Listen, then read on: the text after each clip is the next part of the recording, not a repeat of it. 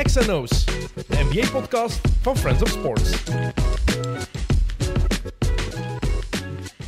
Dag iedereen, welkom bij XNO's, de NBA en basketbalpodcast van Friends of Sports. De Boston Celtics zijn nog steeds de nummer 1 in het Oosten en in de NBA. Maar de Philadelphia 76ers zijn aan een geweldige reeks bezig. Ze staan zelfs tweede in de Eastern Conference op dit moment. Dus het begint daar nog interessanter te worden, zeker bovenaan. In het Westen hebben we eindelijk een eerste grote trade gekregen. De Lakers hebben begot iets gedaan. Ruby Hachimura aangetrokken van Washington voor Kendrick Nunn en drie second-round picks. Heel benieuwd wat dat gaat opleveren, want de Lakers die staan eigenlijk uh, heel dicht bij um, de playoffs en de play-ins. Op één match uh, van de play-in en twee van de playoffs zelf. Dus het kan daar heel snel keren. Um, het ligt dicht bij elkaar. Um, buiten misschien helemaal bovenaan. Er zijn er een paar uitzonderingen. En onderaan uh, maar het is nog eens duidelijk. Gotta love the NBA. Um, in de B-Next League, daar naderen we het einde van de nationale fase. En gaan we bijna beginnen aan de Elite Gold en de Silver. Maar de Silver, dat is eigenlijk play-off 2. Dat is wel een respect, een reeks om, uh, om eigenlijk uh, te negeren. Maar een van de ploegen die vecht voor een plek in de Elite Gold. Dat is de beste vijf ploegen in België en de beste vijf in Nederland. Die samen tegen elkaar gaan spelen in die fase dat is Kangaroos Mechelen. En de point guard van Kangaroos is de beste speler die het magische en iconische jaar 1985 ooit heeft voortgebracht in België. En ook de ster van een van de beste reclamespots aller tijden. En die zit hier bij mij, Domien Lobry. Dag Domien. Goeiedag. Geweldige intro. ja, sorry, ik kan die, dat reclamespotje, ik kan dat nooit vergeten. nee, ik ook niet, blijkbaar. Uh... voor, wat was maar, het weer? Dyson? Dyson. Wel uh, gratis Dyson gekregen. Dat is wel bangelijk. hey, dat kost geld. Ja, dat kost echt geld. En met vier, uh, vier huisdieren, zoals je gezien hebt. Ja, zoals ik gezien heb. Is dat, uh, is dat mooi meegenomen. Hoeveel takes heb je daarvoor nodig gehad? Dat viel heel goed mee. Alhoewel dat ik wel besefte achteraf pas hoe uh, Nederlandstalig de, de crew was en hoe hard ik mijn eigen dan begon aan te passen en ook Nederlands begon te, dat was het, spreken. Dat was het echt het beste. Mijn verloofde zo is. Waarom? Mijn broer stuurde mij dat toen door. Maar er is ook niemand die mij corrigeerde. Ah nee, want we waren allemaal onlanders. Maar die stuurde dat door naar mij echt met de vraag... Die... Dat is, is, toch een, dat is toch een hè? Ah, dat, is, dat is toch echt... Je hebt misschien een parodie voor die, ja, die alle kan, wereld of zo. Dat kan ook. We hebben dat heel nee, nee, veel nee, naar elkaar doorgestuurd. Ja, terecht. Ja. Is het nog te vinden online? Want dat stond alleen op Facebook. Dat is spijtig. Hè? Dat was moeilijk te vinden. Ik heb me, nee, ik, ik, weet het eerlijk gezegd niet. Dat, dat is een leugen. Sowieso. Nee, echt... echt uh, het, het, houdt mij minder bezig dan u, blijkbaar. Dus, uh... Nee, ik dacht, je zit hier nu in XNO's en ja, dan moest ik het okay. aanhalen. En dat is ook ja. een beetje bedoeld om mensen die thuis luisteren te triggeren. Om te triggeren. Om er even op te zoeken. Oké. Okay. Uh, het is hier een NBA-podcast natuurlijk, vooral. Dus Mhm. mm -hmm. um, logische eerste vraag. Hoe groot is jouw liefde voor de NBA? Die is, um, ja, eerlijk gezegd een beetje vervaagd. Okay. Maar dat is pure beroepsmisvorming. Ik was vroeger waanzinnige fan van de NBA en, en, en uh, met heel veel uh, plezier kijk ik daarop terug. Tot vier uur s'nachts uh, de NBA Finals liggen volgen, vond ik super. Um, mijn allereerste liefde voor de basketbal was ook Allen Iverson. Tot in het absurde toe. Ik heb zelfs eigenlijk een tattoo die daar een beetje naar verwijst. En wat is die tattoo dan? Dat zijn drie streepjes. Uh -huh. Dat was eigenlijk toen in die tijd, denk ik in de jaren, ja, wat zal dat? 2000, begin 2000? Hij is in 96 gedraft, ja, dus hij heeft ja, dan ja. begin 2000 was Hadden die altijd van die bandjes aan. Ja. Uh, iedereen. En um, wij hadden dat natuurlijk niet, ik kon dat niet nergens kopen. Of, dus ik maakte dat zelf na met een preirekker.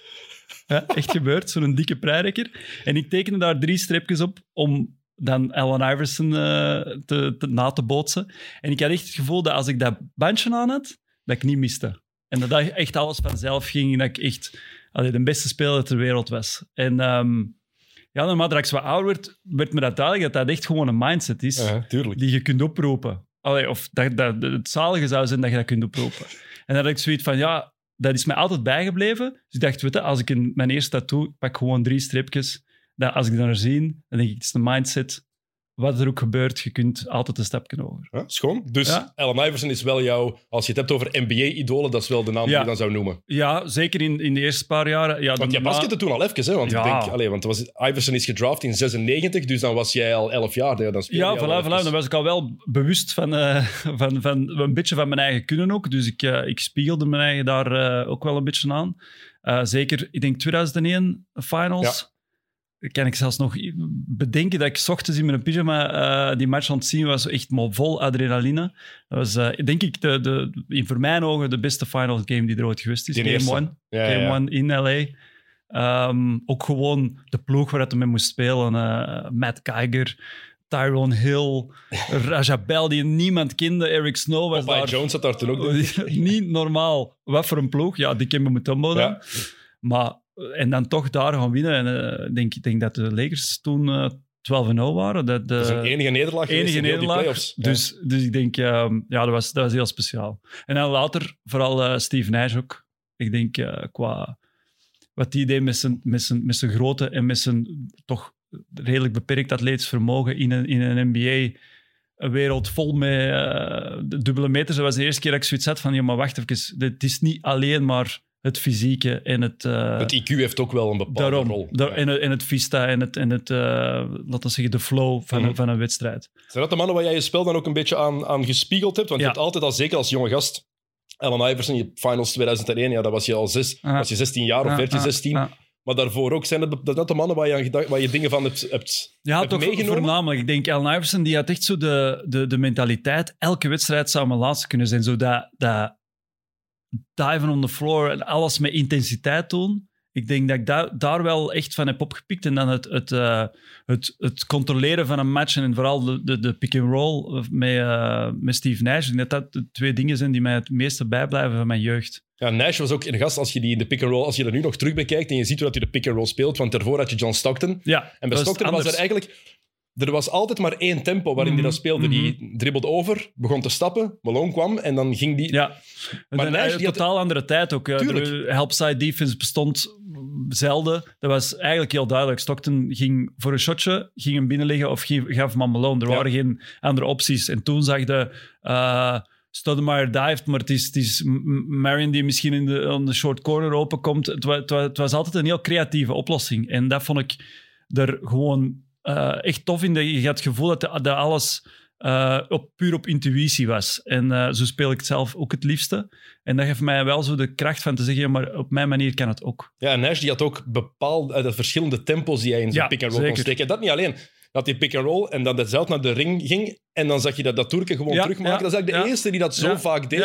Helemaal in de paint gaan om dan terug naar buiten te gaan Ook, ook en die, die rescreen, zoeken. Rescreen en dan misschien zelfs met een stepback af en toe. Ehm, dat waren allemaal dingen die, die, die ervoor niet gebeurden. Gaat alleen maar meer mogen shotten. Geeft hij nu zelf ook toe in zijn carrière. ik, had, ik heb te weinig shots gepakt voor hoe goed ik eigenlijk kon Ja, knallen. Maar dat was vroeger altijd. Hè. Ik denk als je keek naar zelfs de beste shotters, die een gemiddelde van drie punters was vijf, zes. Maar, maar, maar zeker toen bij Mike D'Antoni, als er één ploeg is waar hij het Ja, had kunnen doen, ja, dan was ja, het wel in dat team. zeker. En ik denk dat en ook het- zeker eh, we- altijd eh 40, 60, eh, 90. eh, Ja.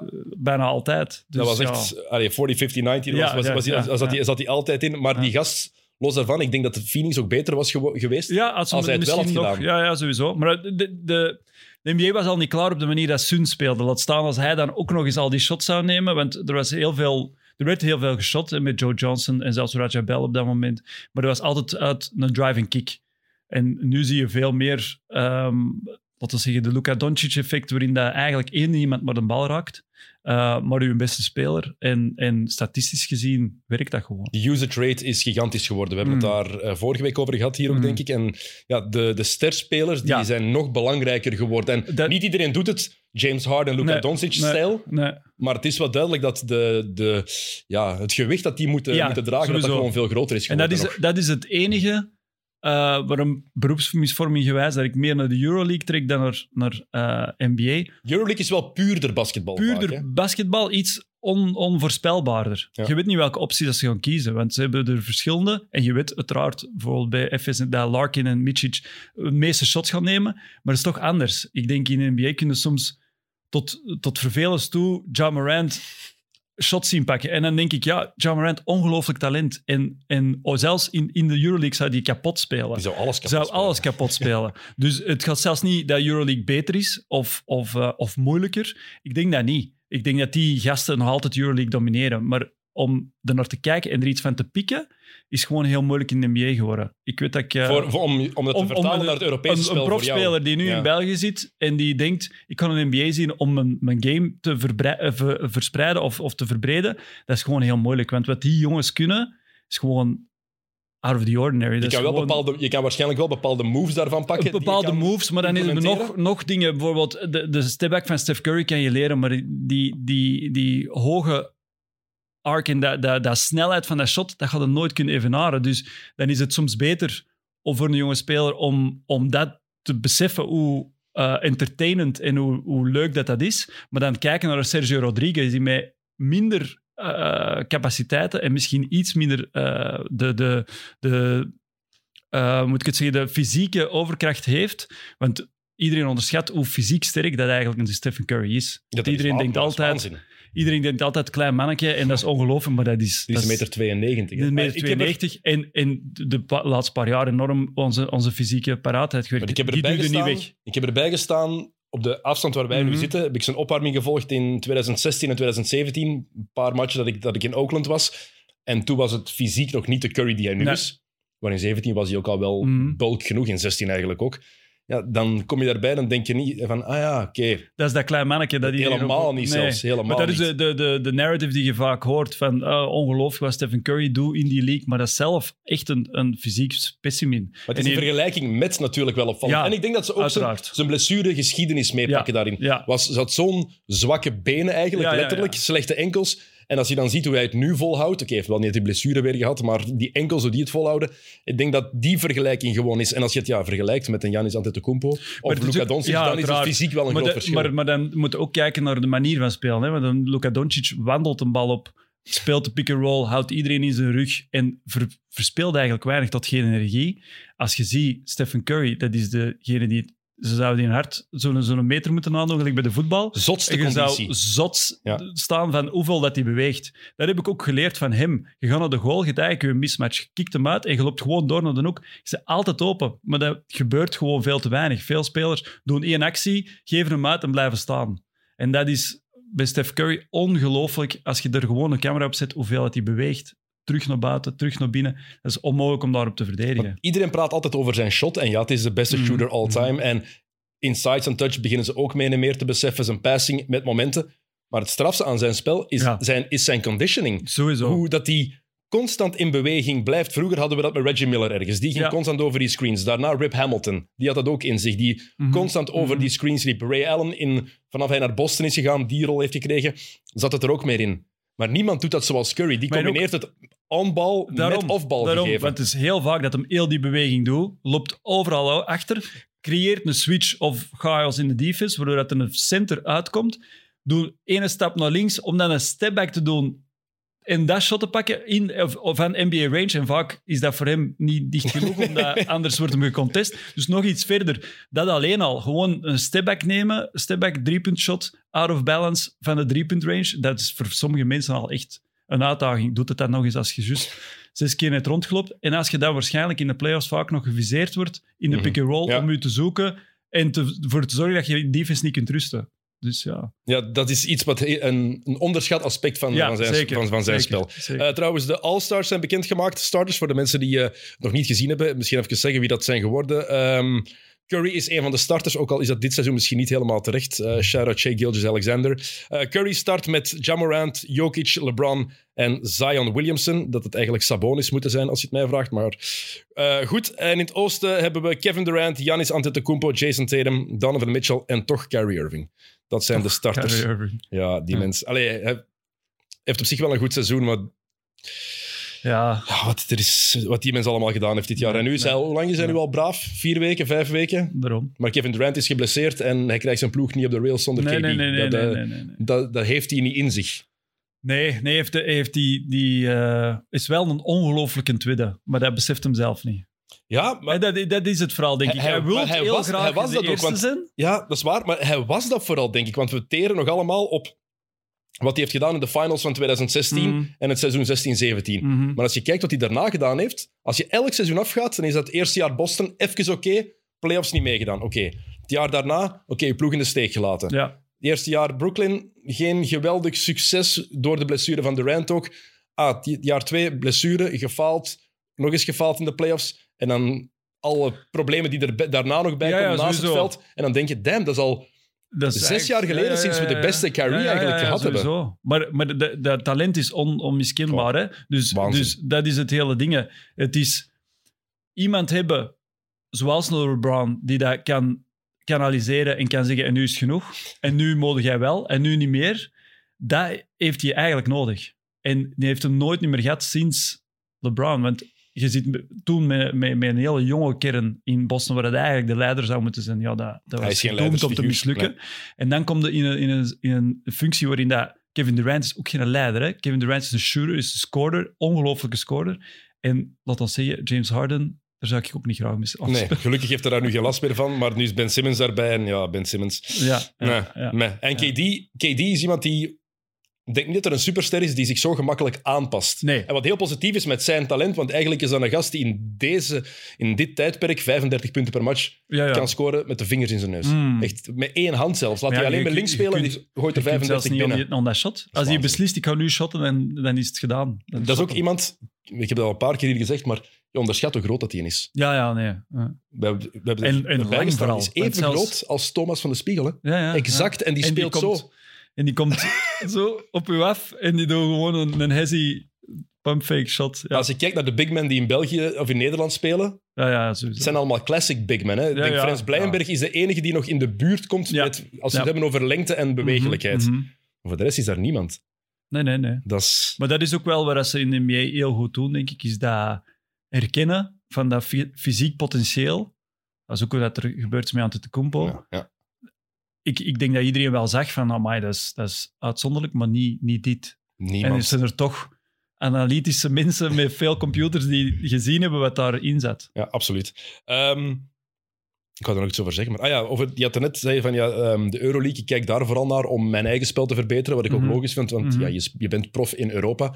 Maar Doncic heeft dat ook van het begin gezegd, zegt dat nog altijd. Hè. Scoren in de NBA is veel gemakkelijker dan in Europa. Alleen al door de regels. Handchecking Sowieso. mag in Europa. Ja. Defensive three seconds bestaat niet in, in Europa. Sowieso. Dus dat is al een groot verschil. Ehm, maar het komt ook door hoe er gespeeld wordt natuurlijk daar. Oh, ja, de- volledig. Hè. Dat heeft niks te maken met dat de, de Euroleague betere verdedigers Nee, heeft. totaal of, niet. eh, nee, zeker niet. Ik denk dat er wel tactisch nog meer ingegrepen wordt in Euroleague. Ik denk ehm, dat als je in NBA ziet, zie je heel veel pick-and-roll offenses, waarin dat er de grote man altijd zakt. Dat geeft zoveel ruimte voor een speler als Doncic. is Dat, dat, is, dat is feest, hè. Als je daar twee man op zet, maar dan, het probleem is dat de spacing in, in de NBA veel te groot is. Die driepuntlijn is al verder, die zijn nog atletischer. Ja. Dus je moet nog meer ruimte goed maken. Ehm, dus dat zou niet lukken, een hard hedge in, eh, in de NBA. Maar dat maakt het dat het moeilijk is om in Europa, denk ik... de- Er wordt gewoon, de paint wordt gepakt. En, en moest Doncic zijn eerste tien shots maken, ja, dan, dan zou ze een manier vinden om hem niet meer zo ver te laten komen. Zo de 60, 70 punten, dat kan er bij mij niet in. Dat is natuurlijk ook acht minuten meer daar. Ja, dat, is- dat dat is wel, een verschil. dat wel, acht wel. minuten meer, dat is gigantisch Dat veel. is gigantisch veel. is echt gigantisch Zeker veel. als je on fire zit, dan is dat veel. Ja. Voilà. Ehm, en inderdaad, meer... Maar je- bijvoorbeeld, om meer een spacing daar is voorbeeld te belangrijk. geven, eh, de, de, ehm, de wereldkampioenschap basketbal, zie je toch ook dat, dat het gewoon veel moeilijker is. Ook al zitten daar vaak met ploegen die, die wel vergelijkbaar zijn in setup. Eh, ik, denk, ik denk als je Slovenië pakt, ehm shotters er rond, Ja. met, met toch een heel goede big man als eh, Mike Toby, die ook kan diven en die lobs kan pakken. Het is gewoon moeilijker. Alles is clogged, alles is, is ingesteld op... De intensiteit is ook in elke play hoger, denk ik, eh, ge- gezien over een hele wedstrijd. Hè. In de NBA er soms eh, van die possessions waarin dat er iemand in slaap valt. Of Ja, regular season, hè. logisch, 82 wedstrijden. Play- playoffs is dan weer helemaal anders, hè? Ja, daarom dat ik... Dus als playoffs is, Dan kijk je wel meer. dan kijk ik wel. Snap ik. Want ik heb, ik heb zo die eh, league passes. Ja. Vroeger pakte ik voor een heel jaar. Nu is het altijd gewoon playoffs. Dan ben ik er. Ik snap het. Het ding is wel natuurlijk, misschien is Doncic op dat vlak ook een, een slecht voorbeeld om te Ah. nemen ergens. Want als we terugkijken naar de Spelen in Tokio, heeft hij zijn ploeg wel bijna alleen Ja. naar de finale geleid. En toen was het ook duidelijk van, oké, als hij begint, dan valt, Ja. maakt het niet uit wat je er tegen doet. Want Sowieso. die, gast die kan allee, hard hedge. Want, want als je kijkt naar Denver bijvoorbeeld, Denver die hedgen niet echt hard. Maar Mhm. Jokic, als die in de pick-and-roll aan het verdedigen is, dan gaat hij mee. Ja. Even, om dan terug te gaan. Mhm. Die, spelen, die spelen geen ice defense. Nee, En ja, bij Luca lijkt het zeker Maar- tegenwoordig, maakt het niet meer uit. Maar Nu, in ik deze wou Luca, je zeggen, Luca, als, als die zijn linkse stepback binnenvalt, Ja, dan is punten, dan is het om zeep. Ja, dan, dat dan, echt- dan Euroleague, Mars-managers, maakt niet uit. Dan scoort hem tegen iedereen. Maar ik denk, in, in, in NBA zie je ook vaak als iemand niet on fire is, dan is het met pumpfake tegenleunen. En omdat je de superster bent, krijg je de twee vrijhapjes. Dus je moet dus even op adem komen, even... Je ziet zo niet... Zo echte off-days van supersterren, die zijn Zelden, er hè? precies niet. Vroeger was dat vaker. Ik, ik had dat wel, het gevoel dat Ja, dat vroeger hoger was. In Euroleague dat wel. Hè. Je hebt echt eh, zo Shane Larkin die eh 0 op 11 gaat en, eh en geen ene call meekrijgt en daar helemaal horendol van wordt. En dat, dan denk ik, ja, dat, dat is het enige dat mij dan aanspreekt, is dat onvoorspelbaarde. Maar in de playoffs heb je dat wel. Ja. Heb je wel echt off-days en heb je, heb je bounce-back games en je die intensiteit die veel hoger is en minder freebies, ik zal het zo zeggen. Het leuke wat je nu wel hebt gewoon is dat je weet, oké, die ploeg staat zes minuten te gaan, 25 punten voor. Je weet nog altijd niet of het safe is. nee, Dat is tegenwoordig, en dat is het rare aan basket. En ik ben ook heel benieuwd of ze dat zo gaan behouden. Want de NBA past zijn regels Hmm. aan voor het product interessant Ja, genoeg te maken, wat ik een goede zaak vind. Ja. Dit gaan ze niet willen blijven laten duren Nee, de hele nee, tijd, nee, want nee. het is ook weer te veel dan. Maar zwart. Eh, ik zei het in mijn intro al, ehm, beste speler van het magische jaar 1985. ik denk dat wij de eerste keer tegen elkaar gespeeld hebben, lang geleden, toen ik nog bij Olixa zat. Eh, jij... Ja, Benjamins waren bij, Was dat bij? Gembo. Nee, dat was, eh, jullie waren kampioen geworden in jullie reeks wijn, die van ons. Dat Ah, was in oké. zo'n neutrale, neutrale plek. Geen idee meer waar. Ik, ik, Oké. we waren acht jaar. Ja, Dus ik weet dat mijn pa mijn coach was en dat wij kampioen waren gespeeld met Elixa, jullie met. Gembo. En dan zo tegen elkaar speelden. Ehm, maar wat ik daar straf aan vind, aan, aan heel dat, dat, dat gegeven eigenlijk, als ik denk, terugdenk aan, aan mijn jaar, ehm, was jij, Mitchell Garmans onder andere, dat waren eigenlijk twee, de twee namen die doorheen alle jeugdreeksen eigenlijk bij Mhm. de nationale ploeg hebben gezeten. Altijd.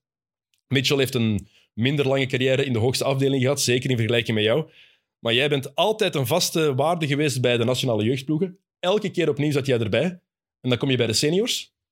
En dan is er van Domino Brie bij de nationale ploeg amper sprake.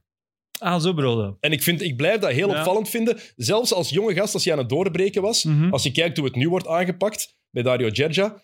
Die pakt er heel veel jonge gasten bij. Om te zien hoe pas we willen Maar ik, werken aan de oh, dat toekomst. moet ik wel even corrigeren, want ik heb dus... ehm, Je hebt erbij gezeten, maar wij, op, in, als Ja, je het vergelijkt, ja. te weinig. Zo bedoel Maar, ik maar dat. is ook, dat is ook mijn, mijn, in mijn carrièreverloop is gewoon heel raar geweest. Ik ben, eh, gelijk je zelf zegt, eh, als jonge gast van mijn, wat we zeggen, 16 tot mijn 21 was ik het aanstormende talent.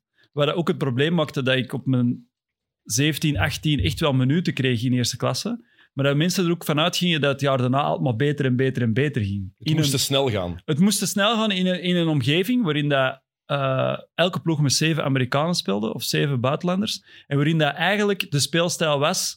Een point guard was er om hard te verdedigen en proper de bal over te brengen naar uw twee shotters. En uw, uw vooral centers die heel fysiek waren en op de 2 en de 3 ook allemaal fysieke spelers. Alles was inside. Alles was eh, langzaam, niet te veel fast break. Dus eigenlijk alles wat niet op mijn lijf geschreven is. Dus ik voelde En wat dan meer paste bij een gast, want ook van onze generatie als eh Samma Rossum. Samuel Rossum paste daar wel in. Eh, die was, denk ik, die is een jaar jonger dan ik, maar ik denk dat allee, die was fysiek veel, veel eh, im- impressionanter en veel meer paraat om het echte werk te doen dan ik. Eh, trouwens, ook nog even een shout-out naar Samuel Rossum, want ik, eh, ik vind dat echt heel straf wat hij allemaal gedaan heeft in, in Valencia. En, Toch de meest onderschatte ik, vind, ik snap dat topsporter in ons land. Dat, dat geeft aan dat wij geen sportland zijn. Dat als iemand nog nooit een basketbal heeft vastgepakt en je zegt de naam Sam van Rossum, dat die zeggen wie? Maar, laat- Zelfs basketters soms. Ga met een foto, ga met een foto Ja, van ja, Rossum rond ja. op het gala van de Gouden Schoen afgelopen woensdag. En ik vraag hem af hoeveel mensen zeggen Nou. dat is Rossum. Dat, dat denk ik echt dat je dat beter niet doet. Ja, maar ik vraag hem dat echt Nee, af. dat is die gast, ik heb daar zoveel echt- respect voor wat hij, gepresteerd heeft. Dat hij nu opnieuw door een zware blessure aan het Hoe, vechten hoe is. dat hij op handen en voeten gedragen wordt in Valencia. in, een, in een sportstad bij uitstek, dat echt basketbal ademt. Daar kan je niet naar de winkel gaan. En bij ons, En ook nog eens, het is los van het feit dat het een geweldige basketter is, Ja, een geweldige, geweldige mens. gast. Voeten op de grond, super Altijd. nuchter, grappige mens. Maar het is ook een fantastische basketter. Hè? Ja, ja, ja. ja We onderschatten ja. dat soms, maar Sam is... Maar je ziet dat ook in de nationale ploeg, van, hè, dat, dat hij daar niet meer was, of dat hem nu goed speelde of niet goed speelde, dit, dat was een totaal ander gegeven. Eh, die, eh, die was er ook elke keer. is bij- Ik maar vind Sam dat is ook- straf dat hij dat die elke zomer lang dat hij zei, nee, Ja. de, de nationale ploeg komt bij mij op één. Maar Sam is ook buiten categorie. Als we praten over onze generatie, dan heb ik het over, wat is het, jaren 83, 84, Mm. 85, 86, 87, 88 Ja. misschien. Ja, Sam is daar by far nummer Maar één. dat was ook, denk ik, de reden waarom ik er op den duur, in het begin, elke keer als, als eh San Rossum gekwetst was, of Roel Moors was gekwetst, dan kreeg ik nog wel echt mijn kansen in de nationale ploeg. Ik heb in, in Oekraïne nog, denk ik, in de, de, de iets duistere periode van de nationale ploeg, moesten wij spelen om in de A-reeks te blijven. Ja. En moesten wij daar gaan winnen in Oekraïne, heb ik nog, denk ik, 20 minuten gespeeld. Dan weet ik zelfs dat ik nog op de persconferentie mee mocht en zo. Dat was allemaal heel Wie was toen bondscoach? Eddie Kasteels. Kasteels toen al? Ja, Oké, ja, is echt ja. een- die, die is Ehm, zo lang... ge- Ik, Ja, ja, soms is het ja, moeilijk om in te ja. schatten, te het denken eh, wanneer... tijdperk eh, Tony van den Bos Ja. en Kasteels en dan... En Kasteels is het Ja. zo lang ja, geweest. heel lang. Ja. Maar ook daar eigenlijk geen slecht werk gedaan. Maar Alles behalve. Hij heeft, want we denken dat we soms onderschatten ja, ja. hoe diep de nationale ploeg Dat, zat. dat wou ik juist zeggen. Mensen wilden Dat niet meer gaan. Hè? Nee, nee, nee. Er, er was geen gevoel van dit is iets voor ons land. Het was echt van, oh, moet deze ook nog? Maar ehm, Maar jouw spel was ook niet helemaal het spel wat Kasteels in een point guard zoekt. Moeten we ook zeker niet ook in, zijn backup point guard. Want Nee. je hebt San Rossum als eerste guard, die op zich eh, baldragend en, en, ehm, en ook gewoon de, de aanval wel echt kon aansturen. Ja, dan wilde daar eigenlijk misschien iemand achter die, die iets eh, soberder speelt. Ja, dat was, dat was sowieso ik niet. En, we moeten ook niet vergeten, Jonathan Tabou was ook, is ook van mijn jaar. Ja, zwaar. Ehm, dus die kan nog wedijveren voor de, de beste speler van Ik 85. ben, ik, ben, ik ben misschien bevooroordeeld door mijn Antwerpse achtergrond en doordat we elkaar al, al te, lang, te lang kennen. Misschien dat er Maar in ieder geval, de- ja, die twee waren echt altijd vaste waarden. Die waren er ook altijd Ja. en die speelden goed. Dan snap ik ook wel dat je altijd kiest voor een, een andere leeftijd, misschien jonger. Zeker naarmate dat we zo 25, 26 passeerden. Ja, om dan mij als derde guard ook nog eens mee te pakken. Dan, Ja. Ik, be- ik bekijk dat zo. Ik zie in jou gewoon, als je dan oké, die redenering hebt, je hebt, je hebt twee eerste guards, oké, begrijp Mhm. ik.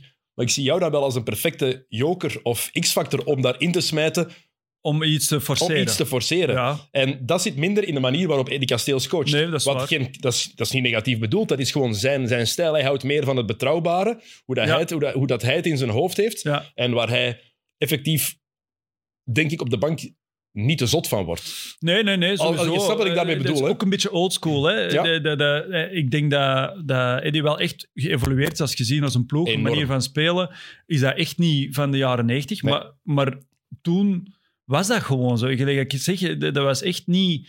De point guard was niet daar om eh, af en toe eens een driepunten te gooien of in de pick-and-roll de dingen te gaan, te gaan forceren. Dat, werd, er werd, dat was niet pick-and-roll based, onze aanvallen. Dat waren flex-cuts, dat waren eh, post-ups, dat waren eh, vooral stagger screens voor shooters. Dat was alles behalve pick-and-roll based. En als daar, zie ik jou ook in. Maar daar zie ik jou ook in een rol in hebben. In- weg, vroeger, weg, vroeger van, weg, van de, weg van de bal. Ja, nee, minder, je deed dat minder, maar Ja. dat zat er wel in. En ik Ja. denk, als je die rol aan jou had gegeven toen, dat jij die met plezier had, had, had, had aanvaard of had Maar genomen. ook dat is een rare evolutie in mijn, in mijn spel. Ik was vroeger geen shotter. Ik weet niet, doorheen de jeugdjaren was ik eigenlijk een vrij grote gast. Hm, I know. Dus ik, ik had dat niet nodig, een shot. Dus ik dri- dribbelde gewoon iedereen voorbij en ik, ik finishte onder de goal. En dan komt het plotseling op het senior niveau. En dan denk ik, oh, maar wacht even. Ik raak hier niet voorbij al die, die grote beren. Dus ik ga ook moeten shotten. En ik heb, denk ik, in Antwerpen was dat echt duidelijk dat dat een probleem worden was. Want ik ben zelfs, en dat weten niet heel veel mensen, maar toen ik 19 ben, ben ik naar een sportpsycholoog geweest, omdat ik gewoon geen vrijheid meer binnenkreeg. Ik gooide, echt, ik gooide echt airballs. En, en gewoon de, zelfs de schrik om de vrij op te moeten gooien, was zo groot geworden, dat je zelfs als wij vier fouten hadden, dat ik dat direct door had, dat ik de bal afgaf. En dacht ik, deze is niet meer leuk, hier moet ik iets aan, aan veranderen. En ehm, dat is eigenlijk dat jaar dat ik dan naar Bergen op Zoom ben gegaan, waarin dat, eh, Tony van den Bos coach was, waar ik die zomer echt gewoon mijn eigen heb opgesloten in, in een zaal in, eh in waar mijn ouders wonen. En daar gewoon elke dag zoveel shots, elke dag. En dan is er eigenlijk een kentering gekomen waarin dat ik zoiets had van oké, ik begin me eigenlijk meer comfortabel te voelen in mijn shot. Maar was uw vrijworpshot dan zo slecht ook in die periode daarvoor? Mijn Nee, shot was toch? gewoon... Mijn shot, nee, niet, niet, niet erbarmelijk. 70%, 60%, wat voor een point guard gewoon veel te weinig is. Ja. En dan komt het op het eerste niveau waarin dat je backup point guards hebt, waar dat, eh, je foutenmarge heel laag ligt. En je komt er dan eens op en je mist twee vrijhoppen. En dan begint dat in je hoofd te spelen en dat je denkt, ja, volgende keer dat ik die vrijhoppen heb, moeten die wel binnen. En dan miste die nog eens. En dan speelde je met de tweede ploeg mee en kreeg je vijf vrijhoppen. Maar je mist die er vier van. En op een duur wordt dat een, een, een soort roos monster dat voor de, de goal hangt. En dat denk ik wel dat heel weinig spelers daarin begeleid wordt ook. En ik heb dan de chance gehad dat ik daar wel eh, iemand gevonden heb ehm, die me daardoor een beetje geholpen heeft met wat ademtechnieken en gewoon even terug tot, tot uzelf komen, want dat is allemaal in uw hoofd. Ehm, maar dat, dat, dat was wel een moment dat ik nu ook kan gebruiken de jonge spelers toe te zeggen, hè, die zien, zien mij nu spelen en die zeggen, ja, maar geweldige shotter. Maar ik- dat is niet altijd zo geweest. Dat is wel iets dat je kunt, daar ben ik echt ras echt van overtuigd, dat je een shotter kunt maken en dat die niet geboren wordt. Maar dan, als het gaat puur over dat probleem met de vrijworplijn, is dan puur inderdaad jezelf kunnen kalmeren Mhm. en ook dat vertrouwen in jezelf krijgen. Want dat tweede, tweede is ook niet Ja. onbelangrijk. Het is heel zeker. gemakkelijk, stel je voor dat je dan een zomer lang heel hard traint. Je sluit je op in een zaal elke dag. Je werkt mentaal met een, met een coach of met een, met een psycholoog. Ja, En dat werkt allemaal. Maar het seizoen begint en die eerste vijf matchen gooi je elke keer een 0 op 5. ja, ja. Maar dan is het... hoe, dan is het hoe moeilijk is het? Dat is het ongelooflijk moeilijk om niet vast te zitten in je eigen hoofd. Uh, Dat is ongelooflijk. En ik denk dat dat, dat dat heel hard onderschat wordt aan topsport. Is dat je iets moet doen dat lijkt simpel te zijn, maar onder zoveel druk. En Ja. wetende dat als het... Want zeker als backup point guard had, had ik zes, zeven minuten gemiddeld. En in die zes, zeven minuten moest ik mijn week goed maken. Want als ik in die zes of zeven minuten niet presteerde, was heel mijn week naar de vaantjes. Want elke training lang kon ik horen hoe dat ik in die zes minuten niet gedaan heb wat ik moest doen. En dat was ook die tijd, eh, de pedagogie stond nog niet zo heel ver.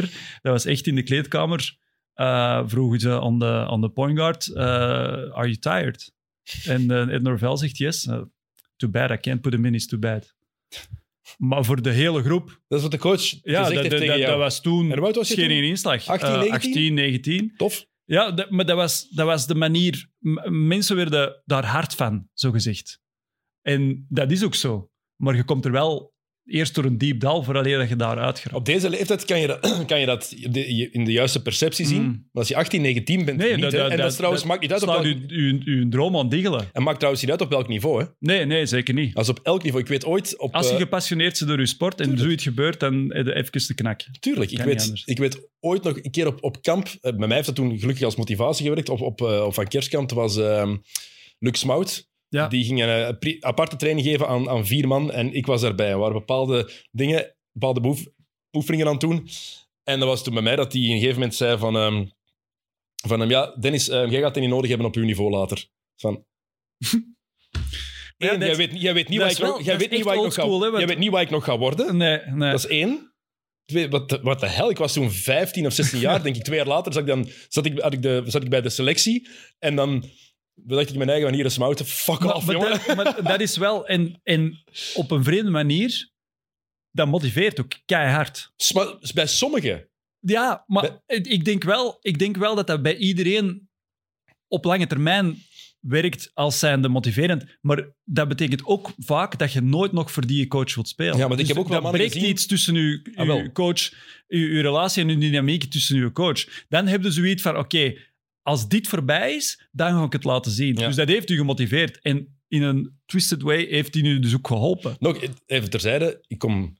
Goed, ik heb Ja, ja. totaal geen problemen met, met, Voilà, maar- dus was eigenlijk- zo'n basketkamp, daar kom ik Eigenlijk zal die waarschijnlijk op momenten dat jij dacht, ja, nu ben ik echt wel moe, nu ga ik het niet doen, kwam Lux Maat in je Dat hoofd. kan. En dus op zich, Maar er zijn wel, andere, werkt, mannen, maar er zijn dat wel is- andere mannen die daar ook door gekraakt zijn. Ik ken genoeg spelers, Ja, ga geen sowieso. namen noemen, ik ken genoeg spelers die ook zo aangepakt zijn en die hun liefde voor basketbal daarin verloren hebben. En En, dat- en dat- dat, dat vind ik erg. en dat gebeurt ook, hè, want ik ben ja, bewust een, een stapje lager gaan spelen in, in Bergen op Zoom.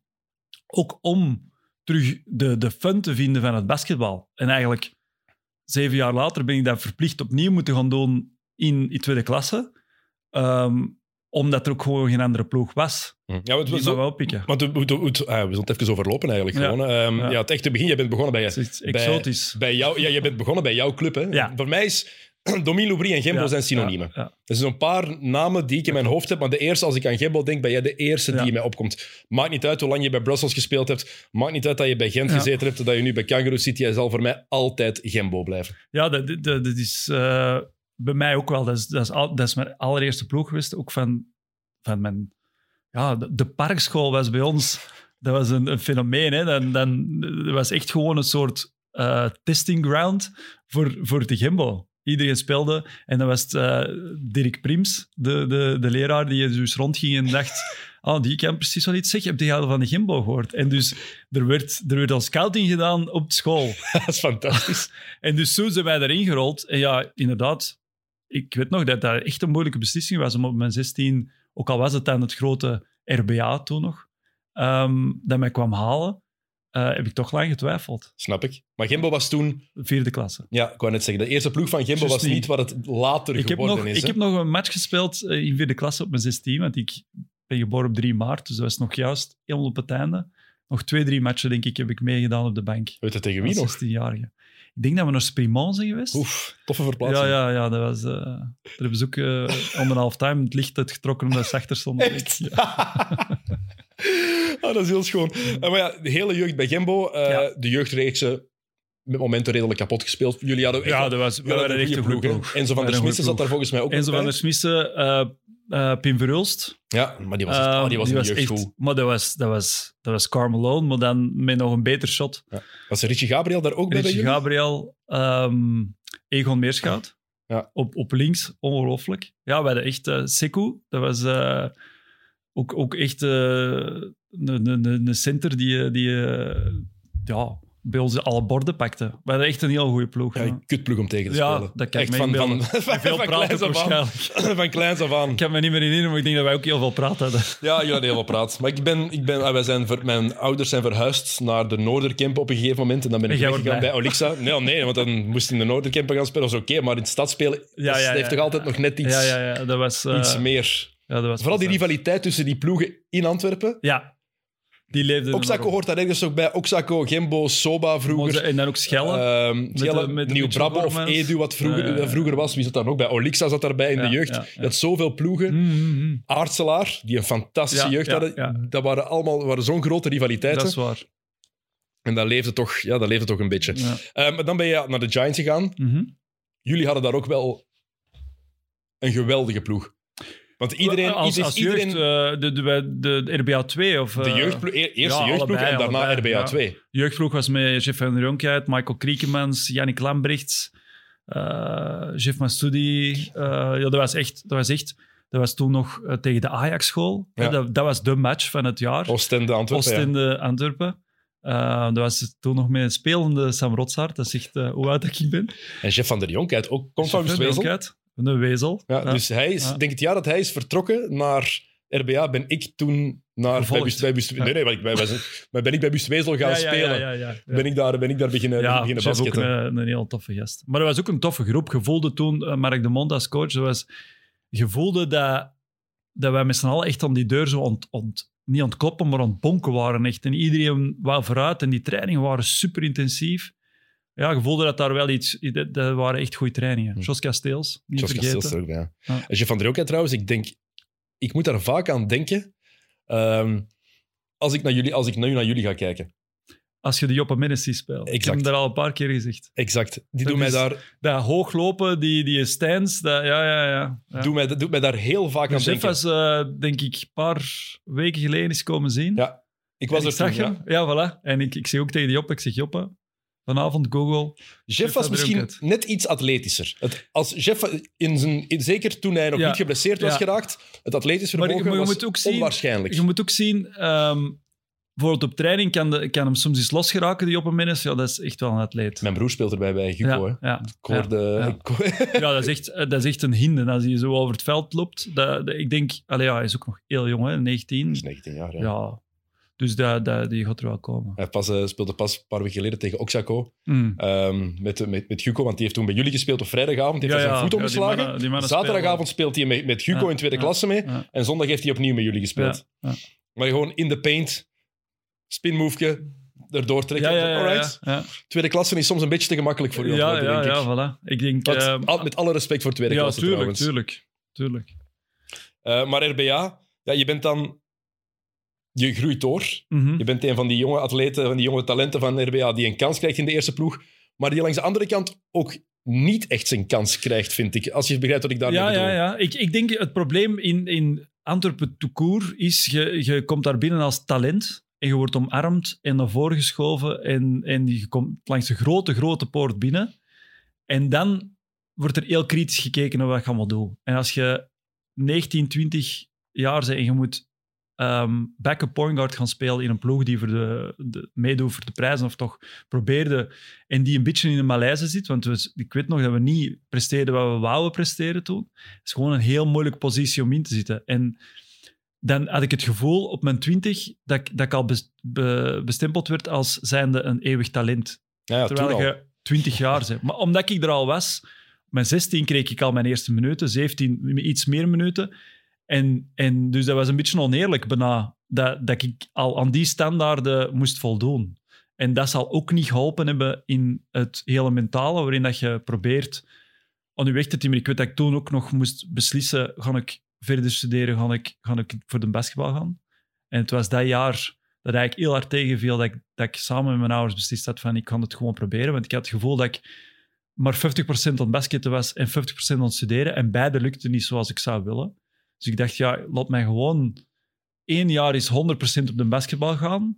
En dan zien we daarna wel nog of dat ik eh, iets kan bijstuderen of niet. Ja, geen gemakkelijke beslissing. Nee, Eh, sowieso niet. En dan... Die combinatie is al waanzinnig. Daarom, wat Ja. Simon Buijsen nu bijvoorbeeld doet, Ja, ja, ja. ja. ongelooflijk veel respect voor. To- Laat, laat ons ook zeggen dat toen uh, Tots Verzet niet echt veel voorstelde. Was, toen was er iets minder begrip voor de combinatie eh, topsport en, eh, en Zeker als je- studeren. Ik heb daarna nog hogeschool gedaan. Dat was, zet jullie in jullie groepjes? Eh, ja, ik heb geen groepje. Ah, dan eh, moet jij meer komen. Oké, bedankt. Ah, classic. Dat is echt classic. Ehm, maar ja, ik vind het altijd raar gevonden inderdaad dat, dat die aanpak bij sommige ploegen in België zo vaak zo is geweest. Oké, we, we hebben een jeugdopleiding, we Mhm. investeren daarin, Mhm. we promoten die enorm, we pakken daarmee uit en terecht. We trekken die mannen bij de ploeg als ze jong zijn, maar dan geven ze ofwel te weinig verantwoordelijkheid, Ja. Ofwel te weinig kansen, ofwel is het één foutje maken en meteen gaan zitten en afbranden. Gelukkig is dat een beetje aan het veranderen. Je ziet dat meer en meer, Ja, vind ik. ja, ja. Kijk ook nu naar Giants, jonge gasten die hun kansen effectief krijgen. Ik vind nog altijd dat ze Niels van den Einde hadden moeten bijhouden. Dat er zeiden, die bij Luik Achteraf echt, gezien... echt goed aan het doen is. Ja, ja. Ehm, dat Het is allemaal wat snel gegaan toen, denk ja, ik. denk ik ook. Maar dat er zeiden, Thijs de Ridder nu bijvoorbeeld, die krijgt effectief ja, ja, zijn kansen. Robbie Rogiers, die is de starting center bij, bij de Mm. Giants. Dus nu is dat wel al wat geëvolueerd, vind ik. Ehm, maar dat is wel lang te weinig Maar- geweest. maar- Zeker als je ziet hoeveel talent er was. Dat vooral, dat is dat het probleem. sowieso, maar als je ziet dat een Belgische inbreng over de laatste paar jaren ten opzichte van toen dat ik jong was, dat was iedere, iedere ploeg had twee Belgen die goed speelden. En als je Met chance. Met chance. En je had sommige ploegen die dachten, ja, we gaan voor de Belgische kaart. Dat viel dan wat tegen en dan direct on, ontbinden. Als ik, toen ik, ik wil niet vooruitlopen, maar toen ik in tweede klasse speelde, de namen die ik allemaal kan opnoemen die toen in tweede klasse speelden, dat was de waanzin. Dat is soms toch altijd, hè? Ja, maar ik heb het toen echt ja. over, ik heb het over dus Luik, de startende met eh, Johan Herté, die daarna eerste klasse speelde, Trafontaine, Yannick Mortet, Pierre-Antoine Gillet en eh Jarosevic. Dat was tweede klasse. Op, op een zondag, hè? Op een zondag in Luik. Op een zondag in Luik kregen die vijf, oké, jonge gasten toen nog, maar wel dat talent. Mons was Manny Lecomte, Loïc Schwartz, eh, Gian Caterino, Gorgemans Tabou. En die speelden niet mee voor de playoffs, hè? Want dan hadden andere ploegen, zoals een Charleroi, die, die achtses waren, maar dan met Dieter Soevereins, Boris Penning, eh, dan, dan nog een Amerikaan aangetrokken om proberen de playoffs te halen. En dat was gewoon een, een, een echt, dat was bomvol. Tweede klasse was, was waanzinnig. Maar daar was eigenlijk het talent op dat moment. En het jaar daarna is ook een beetje de kindering gekomen, waarin dat iedereen zoiets had van, ja, we moeten misschien wel wat meer gaan spelen. En heeft iedereen gewoon liggen plukken uit, uit tweede klasse. Ja, absoluut. En is iedereen beginnen spelen. En dat is mooi dat er nu meer en meer ploegen die Belgische kaart Ja, trekken. ja. Ik vind dat het soms... Ik vind dat de Belgen soms nog meer verantwoordelijkheid mogen krijgen. Want ze spelen, maar het is wel vaak, te vaak vind ik, dat de go-to guys, voor zover dat er is in onze Mhm. competitie, dat dat wel nog altijd naar Ja. een buitenlander gaat. En ik vind dat niet altijd nodig, omdat ik denk dat er wel genoeg kwaliteit en talent is om een Belg ook effectief Sowieso. zo belangrijk te maken. Als ik kijk naar jouw periode bij Brussels, gaan we het zo meteen nog even over hebben. Ik zat daar vaak ehm, een beetje op mijn honger, dat ik dacht van... Laat Domini toch eens even de man zijn. Dat was, ik, heb- het, is, het is geëvolueerd. Hè. Je Ja, hebt er ja, ja. zeven jaar gezeten. Maar zeker die eerste jaren dacht ik soms... Toen je achter Sims kwam bijvoorbeeld... Dan, dan weet ik dat wij die discussie hadden al bij de commentatoren van... ja, maar die dingen is maak, inderdaad... maak die switch. je, je, je, je moet ook kijken dat nu meer en meer ook gekeken wordt naar een lange termijns aanpak.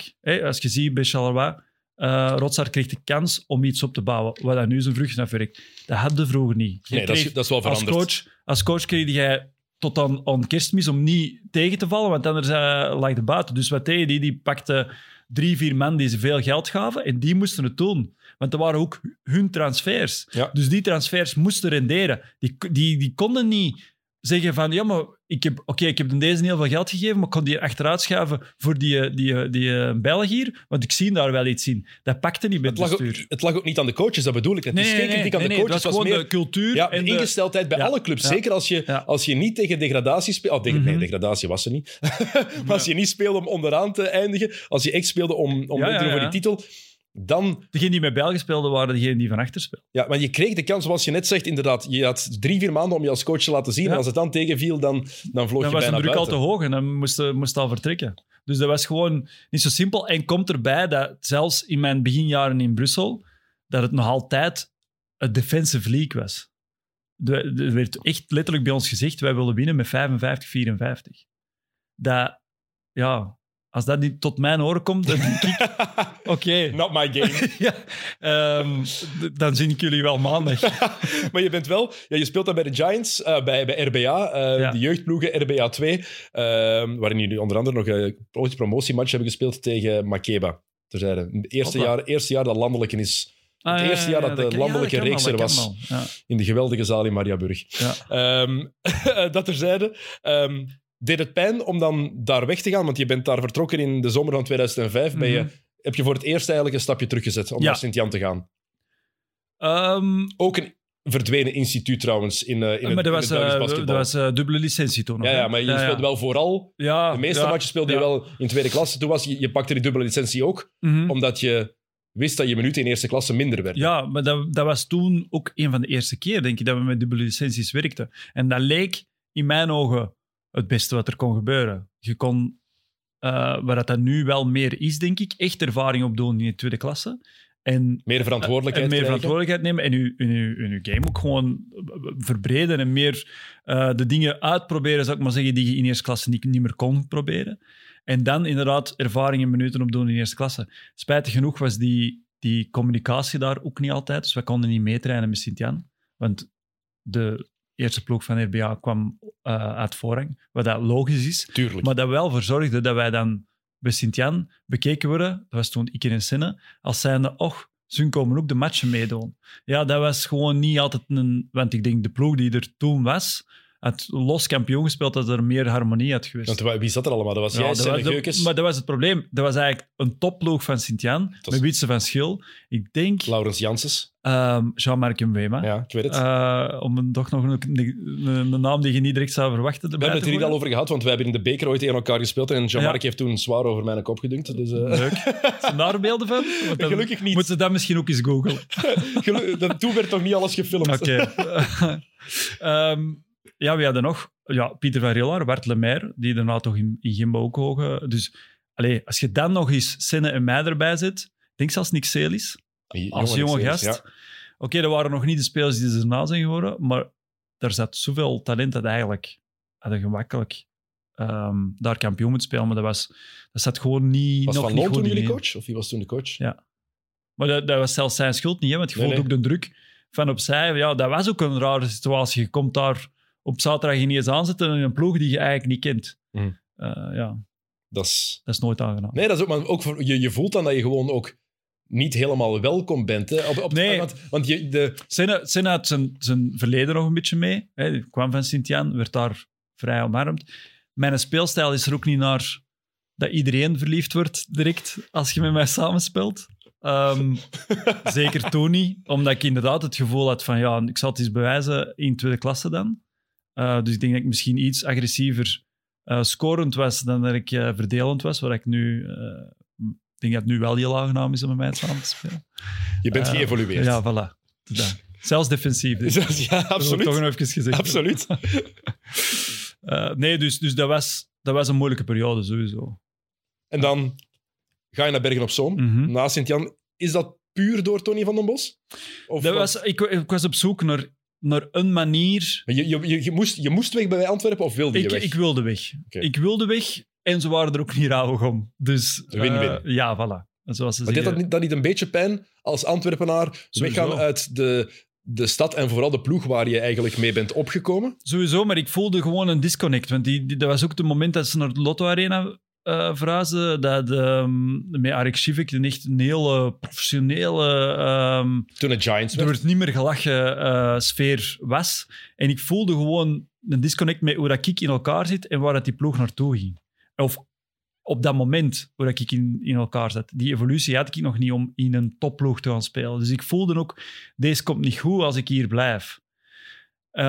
Want dan wat zou je geweest zijn dan? Tiende man, elfde man? ja, en, en misschien, misschien zelfs inderdaad dan een heel jaar echt niet spelen en dan ook gewoon geen optie meer hebben. Nu had ik de optie om, eh, ook dankzij Tony, ehm, om mee te gaan naar Bergen op Zoom, wetende dat ik daar wel echt minuten ging pakken en echt, laat ons zeggen, eh, van, van het profleven kon, kon proeven, zonder dat die een ongelooflijke druk in dat verleden van dat talent eh, erbij zou zijn. Dan Omdat kon ze ik echt van niet- nul beginnen. Omdat ze jou daar niet kenden. Ze kenden mij daar niet en, en de enige die mij kende was Tony en die wist heel goed waar mijn kracht was en wat niet. Dus we konden echt wel werken aan, eh, aan, aan die evolutie. En dat is daar, dat, uiteindelijk is dat ook een heel goede beslissing geweest. Maar het niveau in Nederland op dat moment. Lager. Was dat tweede klasse bij ons? Of Nee, tussen de- tweede en eerste? Ehm, pas op, die, die, die eerste drie, vier ploegen waren toen ook... Den Bos heeft toen nog thuis eh, Real Madrid geklopt. Dat was echt dus de topploegen waren wel, die hadden meegedaan aan de Je had Groningen en je had Den Bosch en die waren echt heel goed. En daarachter zakte het gewoon heel snel naar beneden. Dat en, was wat en wat het was dat dan, het niveau? Als, het echt, als je zegt, het zakte snel naar beneden, is het dan Nee, een had ik het niet over- met een tweede klasser? Of die echt wel in tweede klasse echt wel iedereen kapot zou spelen? Nee, de- de- dan zouden die kampioen spelen à la Kortrijk Spurs in, in tweede klasse. Een, eh, Zeg dat niet aan de mensen van Guco die vorig jaar een titel hebben gepakt. ja, maar dat bedoel ik. ik weet het wel, ik weet het. Ja, ja. Ik ben aan het lachen. Maar daarom, wat ik bedoel is, je zou voor kampioen spelen, maar daarom dat ook niet halen. Hè? Want dat Ja, is ja. ook in tweede klasse, die is meestal degene die gedoodverft kampioen is, niet kampioen. Dus dat je... Zo'n lastige reeks. Ja, daarom.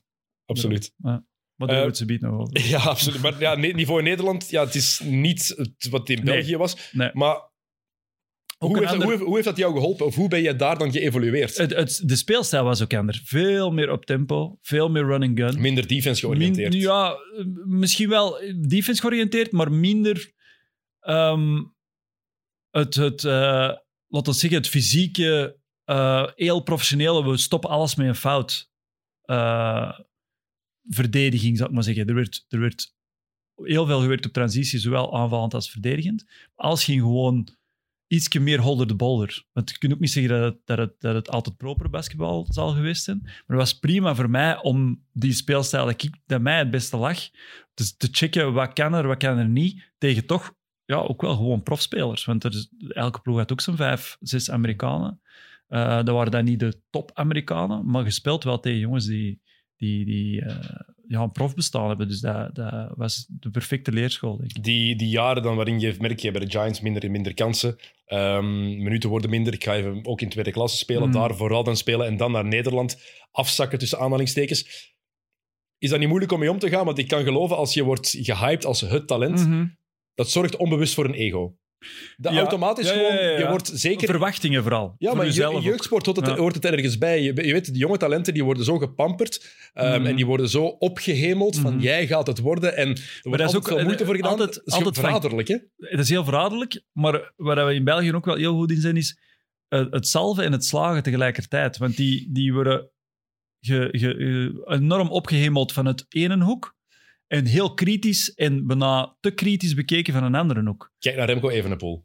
Remco Evenepoel, maar ik zie dat zelfs in de basketbal ook soms, hè, hoe dat er met jonge talenten omgegaan wordt. Je you either love him or you hate him. Hè. Bijvoorbeeld een, een Frans Blijenbergs, dat is zo polariserend wat je hoort van, van oftewel vinden die geweldig, oftewel eh, vinden, vinden er niks aan. Maar dat snap ik niet, dat dat zo ver uiteen ligt in Er is, België. er is, waarom geen, dat grij- niet er is gewoon... geen grijze zone, hè? Nee, waarom kan het niet gewoon zijn... Ja, wat hij doet is wel indrukwekkend. Ja, en ook Punt. de gast die de ambitie heeft en die uitspreekt ja, van ik wil naar de NBA gaan, ik ga er alles aan doen en ik ga mijn mogelijkheden ook gewoon... Ja, dat kunnen, maar dat kunnen wij in België gewoon niet Dat is goed zo- mee.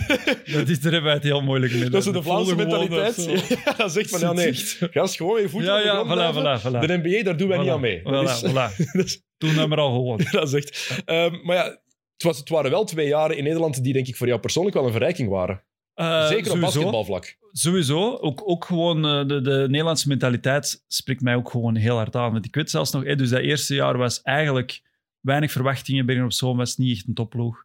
Ehm, beter gespeeld dan verwacht. Ik denk al in kerstmis stonden wij tweedes. Waar dat echt de waanzin was dan ook wel serieus afgezakt daarna. Maar dan het jaar daarna eh, met Erik Braal, eh, hoofdcoach nu van, van, van Den Bosch. Ja. Allee, ik denk nu niet meer. Is bij- is die- nee, Ik dus- denk, ik, denk, ik denk dat ze de nieuwe coach hebben. In ieder geval altijd bij Groningen, topploegen nog gedaan. Dat was wel plotseling een, een switch naar... Oké, maar nu gaan we ook winnend basketbal spelen. En dat was voor mij ook wel heel belangrijk. Dat ik het gevoel had van... Oké, maar dat kan ik ook. Ik kan ook efficiënt spelen. Mhm. En dat was in een backup role, maar dat was ook gewoon... Dat was degelijk hoe ik speelde. En daar was ik ook vrij trots op. Een backup role, was dat genoeg dan voor jou? Als je wist van, oké, ik zit Maar niet... een backup role in, in, een, in een top 2, top 3 ploeg met ambitie, in, in Nederland dan, ehm, op dat moment wel. Omdat ik, omdat ik wel zo wat hongerig was van, ik pak wat ik kan pakken. En het jaar ervoor was ik starter in een ploeg die niet, niet, geen ambitie had.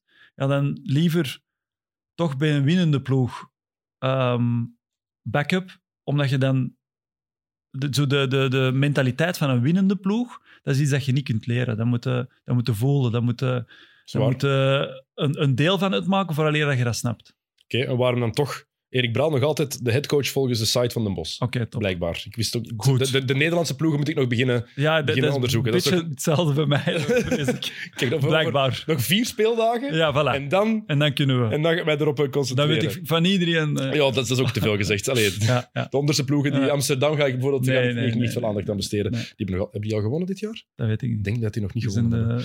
ja. Eh, en toch ga je na twee jaar daar terug weg. En ga- kies je voor om terug naar België te gaan, om naar Gent te gaan. Ik denk Rudy Kuil was toen manager bij, eh Pas bij, nog bij eh, Gent. uitgebreid gesprek eh, mee Ja, de- we, ga- we gaan een, super, er komt super een, Bel- er komt een. Belgasport eh, aflevering Ah, over ja, Racing. Mechelen aan. Oh, En dan, hij was de manager. aanwezig. Hij was de manager Ja. van Racing Ja, Mechelen ja, in de eerste ja. vijf jaar onder Van Dan Kers. uh, maakt de borst maar al net eh, Dat wat was- voor verhaal dat je dan allemaal horen. Maar Ik heb er veel gehoord. Ja, ik, heb, ja. ik heb hem je 3,5 hebt uur toch wel zo wat ge, geknipt. We, we- we mogen maar 55 minuten maken, dus genoeg. Ja. Ehm, nee, dus eh Rudy Kuil, ja, die wou mij heel graag eh, meenemen naar Gent. Ehm, en, en ik had wel nog altijd zoiets van, oké, ja, Nederland is mooi, maar ik wil het wel nog altijd in mijn eigen land maken. Alhoewel ik na dat tweede jaar wel al onderzocht had eh, hoe snel ik mij kon naturaliseren. Want er waren gewoon niet zoveel Nederlandse point guards. En ik dacht, ja, als ik daar dan de pannen van tak speel, dan kan ik ook wel gewoon daar een carrière uitbouwen. Maar, Maar dan niet moest, gedaan. eh, ja, je moest ehm, drie jaar, denk ik, eh je domicilie gehad hebben in... eh, Maar ik, ik ging op en neer, hè. ik Ja, woonde in Antwerpen. Dus daarom, dus, dus daarom eh, was dat... Dan moest ik nog eens vijf... Ik denk, nee. Ehm, dus de keuze naar, naar Gent was dan vrij snel gemaakt. Maar dan komt die inderdaad in een ploeg die wederom ehm, beseft dat ze, dat ze veel gaan verliezen hè, dat jaar. En dat is nooit echt simpel om je doorheen zo'n jaar volledig gemotiveerd te, te houden. Je hebt er wel drie jaar gezeten. Dat eerste jaar was, was top, omdat ook... ehm, dat was de periode dat Roel Moors eh, bij ons was komen spelen. Super, super aangenaam mens, ook super veel van geleerd.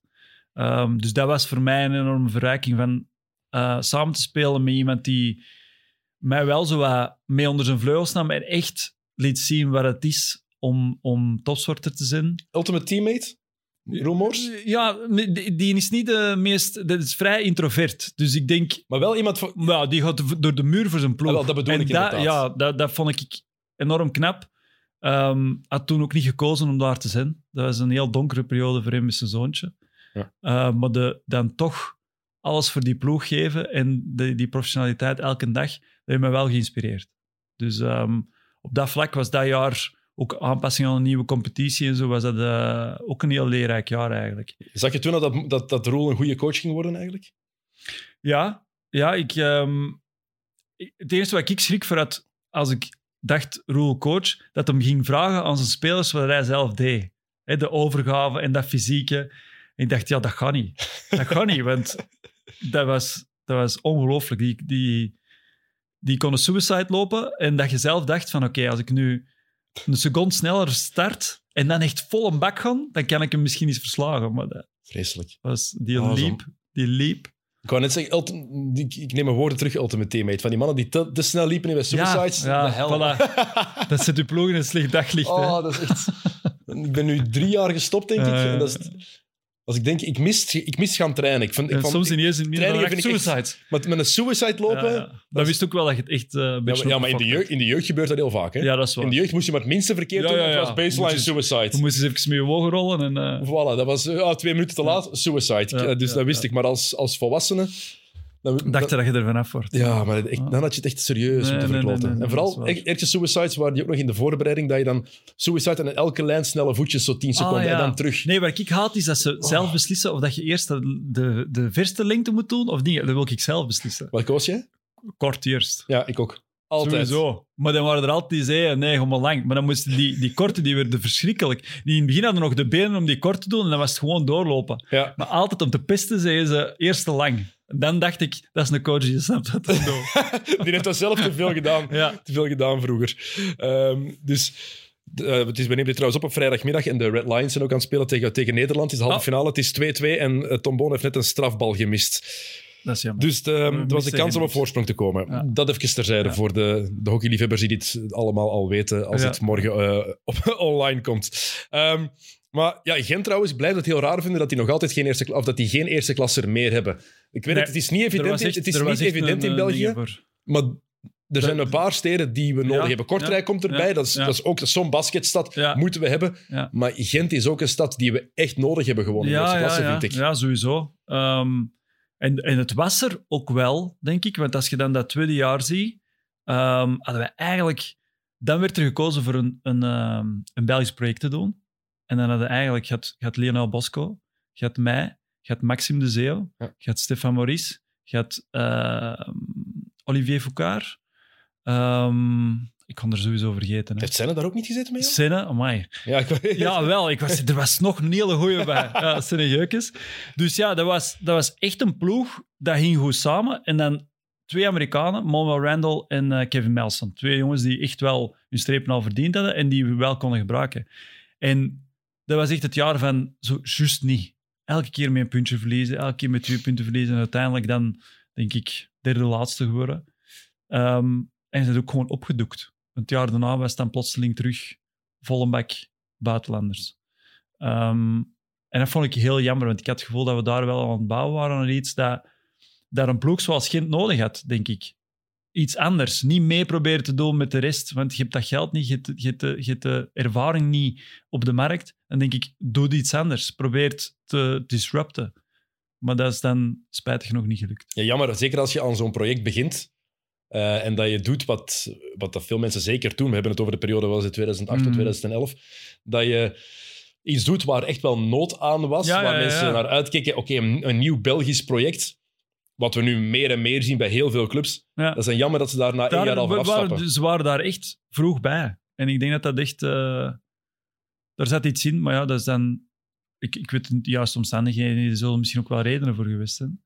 Ehm, maar dat is dan, dan niet doorgegaan, ja. En het laatste jaar van jou daar, ja, daar heb je Dat natuurlijk een- ook fysiek wat problemen. Dat was een, eh, een slecht jaar gewoon. Ik weet het jaar ervoor was ik zelfs genomineerd als speler van het jaar.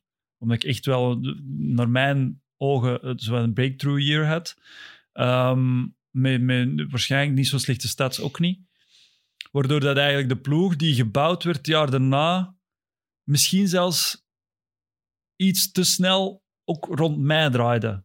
Ehm, en dan komt het jaar van de bevestiging. Om dat dan te doen nog eens in een, in een onbekende ploeg die volledig vernieuwd is, nadat je eigenlijk juist uit een soort vriendengroep komt. Ik weet dat ik daar gewoon mentaal niet zo, niet zo simpel mee had. En dan inderdaad, denk zelfs voor kerstmis, want dat was vlak voor de kerstbreak, op Aalst, verkeerd neergekomen met mijn shothand gebroken op twee verschillende plaatsen. Ja, dan weet je als, als, ehm, als point guard of als, als basketbalspeler dat dat eh, zo goed als einde seizoen is. Ik ben dan nog, denk ik, de laatste drie matchen Ja. teruggekomen. Eh, maar dat was echt dat was een rotseizoen. Je hebt dat jou beperkt ook in je aanbiedingen daarna, want je bent, Sowieso. daarna ben je moeten terugzakken naar tweede klasse. Ja, sowieso. Dat, dat, soms vertel ik dat nog, maar dat is natuurlijk met alles wat we nu weten, dat ik toen echt geen aanbieding had. Er was geen één ploeg die zelfs nog niet dacht van, misschien moeten we het proberen en dan zien we wel. Of, want ik, ik wou alles aanpakken. Hè? Dus het ging niet over geld, het ging niet over ik, ik heb toen eh, uiteindelijk eh, dus moeten afzakken. Voor- bij Gimbo echt voor peanuts gespeeld met het idee van, moest er nog een ploeg komen, dan kan ik weg. Dat was de afspraak die we hadden. Maar zelfs Nederland, zelfs daar waren geen opties. Daar waren geen opties en ik moet wel toegeven, waarschijnlijk toen dat ik daar misschien minder voor open stond. Dat ik, dat ik mijn leven hier ook al wel wat meer aan het opbouwen was. Ben niet meer die jonge gast die gewoon zei van ja, ik heb hier weinig binding, ik kon gewoon naar waar ik wou. Uh, ik had toen uh, mijn toenmalige vriendin ook een huis al gekocht en zo. Dus dat was zo niet logisch van dan die stap te zetten. Er was te veel dat mij hier in België hield. Maar gewoon inderdaad, ja, achteraf gezien, geen één ploeg die, die dacht van, ja, maar wacht even, twee jaar geleden deed hij dat. En oké, okay, die heeft een, een beetje een fompenjaar gehad, maar misschien kunnen we die terug op de rails krijgen. Dat, was, dat zat er niet in. Dus Gembo was eigenlijk gewoon die, de laatste reddingsboei die, die er was? Ja, dat was uiteraard... Ja, ik had toen ook al wel een beetje naam en faam, dus, dus als ik... Ja, zeker zei, bij Gembo. Daarom, als ik zei tegen tweede klassers, ik, ik zie het wel zitten om misschien uh, te starten in tweede klasse en als er iets komt en anders speel ik gewoon het jaar door. Ja, er was wel oor naar. En dan dacht ik, ja, mijn vader was uh, uh, voorzitter van, van, van Gembo, dus hij was al te gek van dat niet daar te doen. Ook de ploeg waar ik altijd gespeeld heb. En dat was ook een van de weinige ploegen die dat echt zag zitten van te zeggen, ja, maar als er iemand komt, dan zit je ook vrij om te gaan. En achteraf gezien, nu, hoeveel jaar later is het? Want je bent daar terug weggegaan in 2013, want je hebt er twee jaar gezeten. jaar dat vind ik eigenlijk straf. Ja, dat Dit is al tien jaar ja. geleden. Achteraf gezien Goed. is het eigenlijk mooi dat je daar Ja, net bent echt. terechtgekomen. Dat, dat klopt Echt, ook. Hè? Dat, dat, was, dat was eigenlijk door dat, door dat rotjaar ehm, volledig ook weer terug, zo mentaal, de basket, ik vond het, ik vond het niet meer...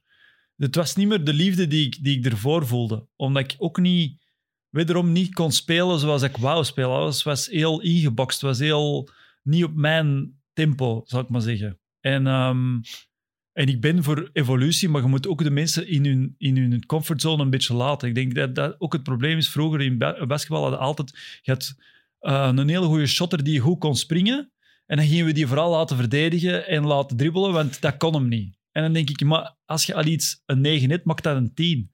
Wat als die een ongelofelijke shotter niet 35% shot, maar 50% op zijn driepunters, daar er toch meer bij dan een matige shotter die ook niet die wat matig kan dribbelen. Wat er eraan? Ze wilden iedereen all-around maken in plaats van specialisten Daarom. respecteren. En ik denk dat dat wel een shift is geworden nu. Als je iets heel goed kunt, doe dat dan vooral. Kijk naar Jonas Voert. Bijvoorbeeld. En ook inderdaad... Die is, die is veel allrounder geworden Ja. dan vroeger, hè? laat Ja, dat duidelijk zijn. ja. Maar het is en blijft wel vooral een shooter. Het is een shooter die, die ook geleerd heeft dat als hij een screen zet, dat dat altijd iemand open krijgt. Want niemand laat Jonas Voerts alleen. Exact. En dat zijn de evoluties die je krijgt als je in je waarde gelaten wordt en in je comfortzone. Dan vinden in die, die stulp vinden andere dingen waar je de ploeg mee kunt helpen. Maar trekt die daaruit en zegt nee, vanaf nu ga jij eh, in, in, in, in, de, in de gym liggen springen, springen, springen, totdat je een atletisch wonder bent en dat je naar de goal kunt gaan om te dunken. Ja, wat voor speler krijg je dan? Dat denk ik niet een betere speler dan we Jonas Voorts nu hebben. Nee, je moet eraan werken, aan veelzijdig worden. Ik zeg niet, ik Nee, zeg maar- niet dat als je niet kunt verdedigen, dat, dat je de ploeg dat niet zeer Maar het mag niet het, je mag niet de focus, Nee, de focus daarom, worden. daarom ik, ik heb mijn eigen aangeleerd ik, ik- van, van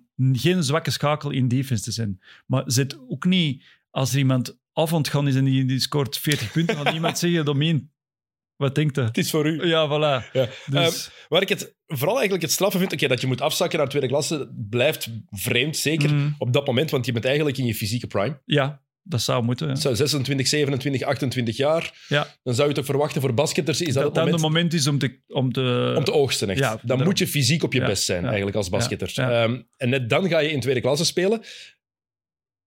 Maar vooral, je zit er twee jaar. ja, Niet- Ja, ik, ik ga niet zeggen dat dat, is- het, dat is eerste, toch maf? het eerste jaar, dus het eerste jaar spelen we eigenlijk iedereen op een hopje.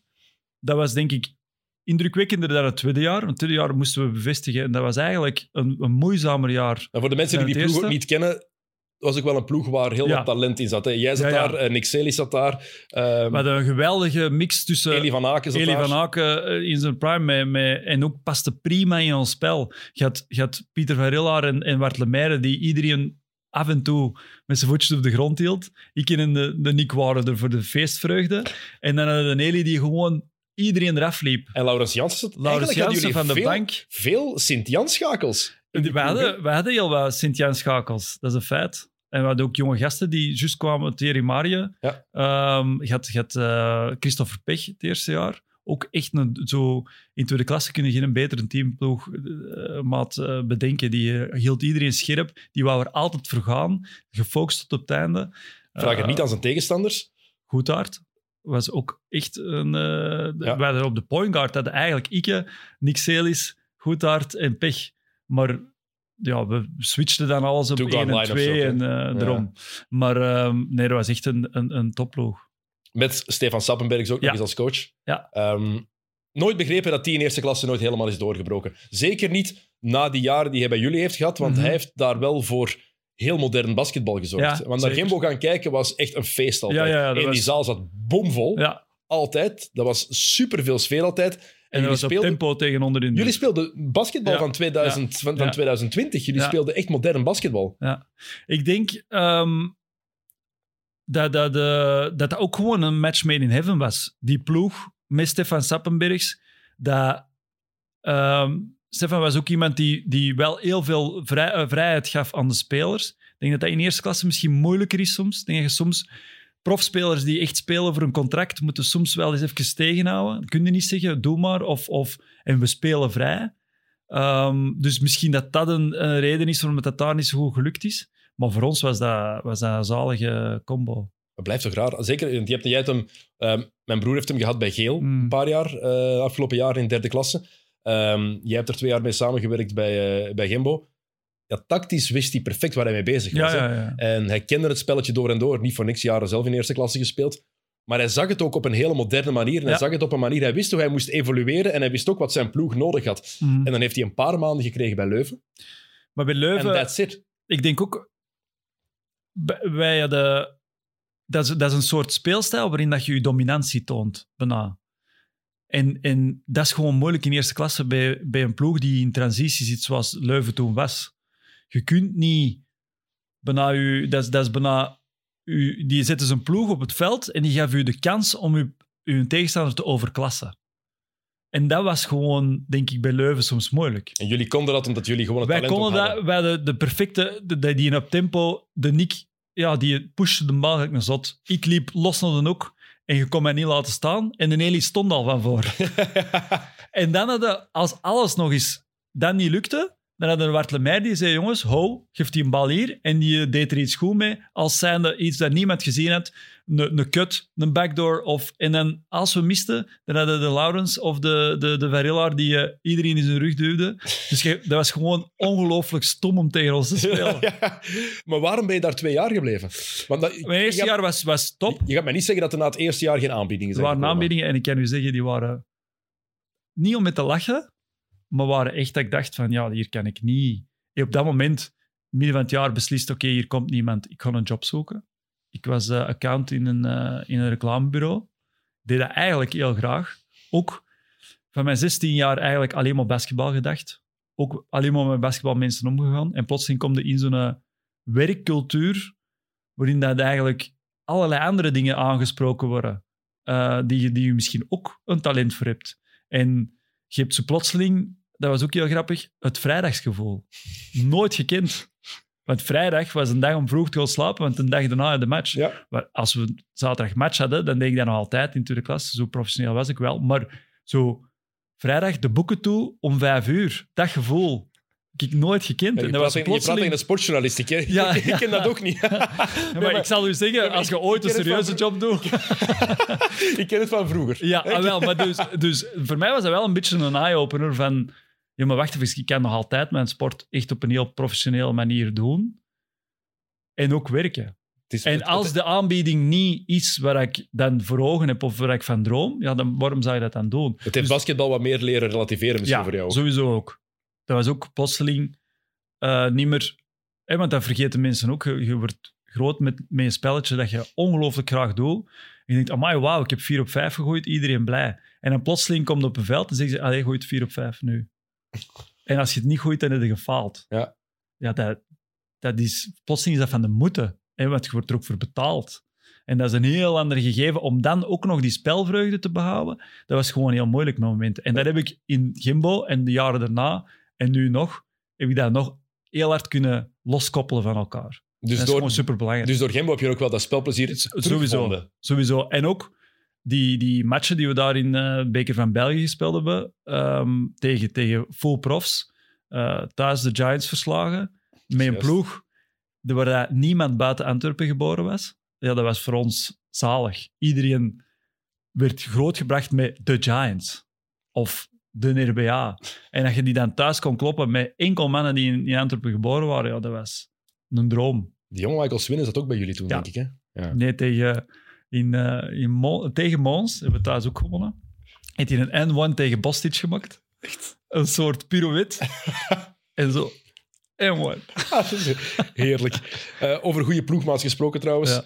De Swinnen hoort daar... Ja, eh, allee, ik, ik heb de Swinnen vooral als jonge gast gekend, dus was hij iets low-key. Dus ik... ehm, ik heb hem bij, bij Geel met mijn broer Ja, samengespeeld. voilà. dus ik heb hem daar af en toe gezien. misschien en wat vocaler geweest. En goede, goede dingen ook wel van, van gehoord. Ja, ja. maar Focaal gewoon alles, doen, alles doen wat de ploeg Ja, ja, dat wel. maar, er lag een bal op de grond en lag de Swinnen mee op de grond. Sowieso. Exact.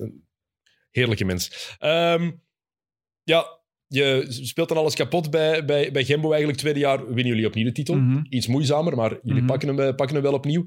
Ehm, was het dan wel duidelijk van, oké, ik moet nu terug naar eerste klasse?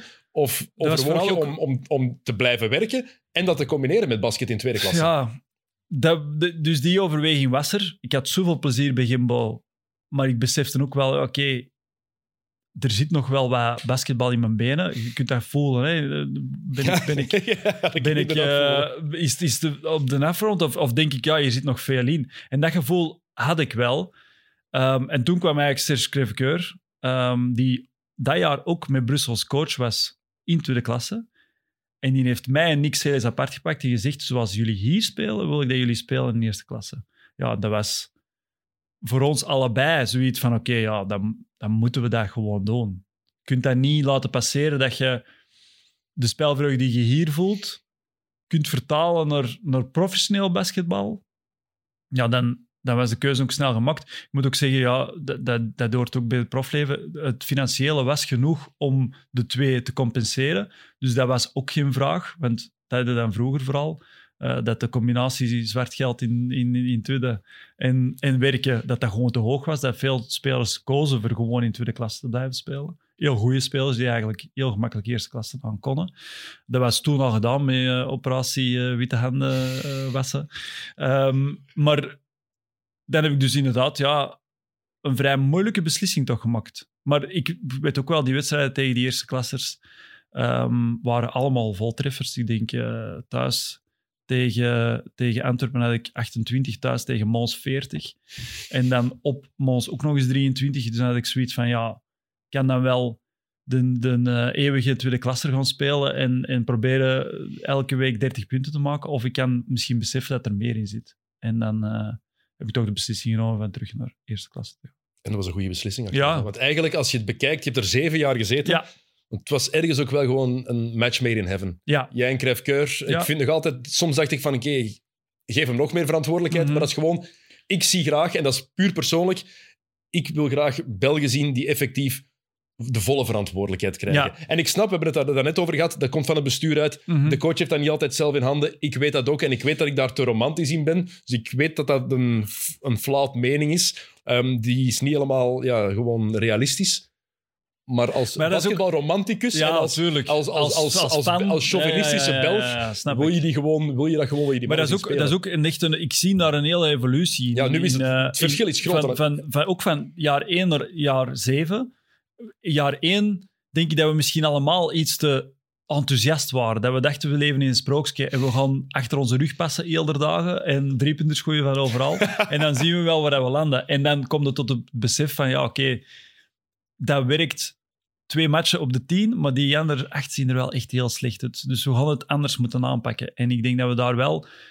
In, in, eh, in Brussel waren ze slim van, van mij, Alex Liszewski, altijd bij te houden. Er waren twee vaste, dat was het meubilair. En daar kunnen dan stukken beginnen rondzetten. Ik wil niet zeggen dat wij altijd de meest spelbepalende figuren waren, maar dat was wel een constante. Voor de Ook cultuur een in de gezicht. club. De cultuur in de Ja. club ook. hè. Jullie bepaalden die cultuur ergens mee. Ja. Dat is wat je, als we het over de NBA daar straks hadden, kijk naar, naar, naar San Antonio bijvoorbeeld. Ja, dat is... Tim Duncan, oké, een van de top 10 beste spelers aller tijden, maar die zijn rol is ook wel geëvolueerd, wil ik zeggen. Maar het feit dat hij daar was, zorgde er wel voor dat die cultuur daar, daar Ja, ja, behouden ja, werd. En dat Iedereen, iedereen die daar binnenkwam, wist, deze is de manier dat we spelen. die- En met jou en Licho had je dat ook Ja, natuurlijk. Mensen ja. die binnenkwamen, er werd ook En later ook met, met. Guy, Guy, Het is hun eh, club. dat, dat, we, dat, we, dat je echt kunt starten van een basis van België. Ik denk dat dan altijd...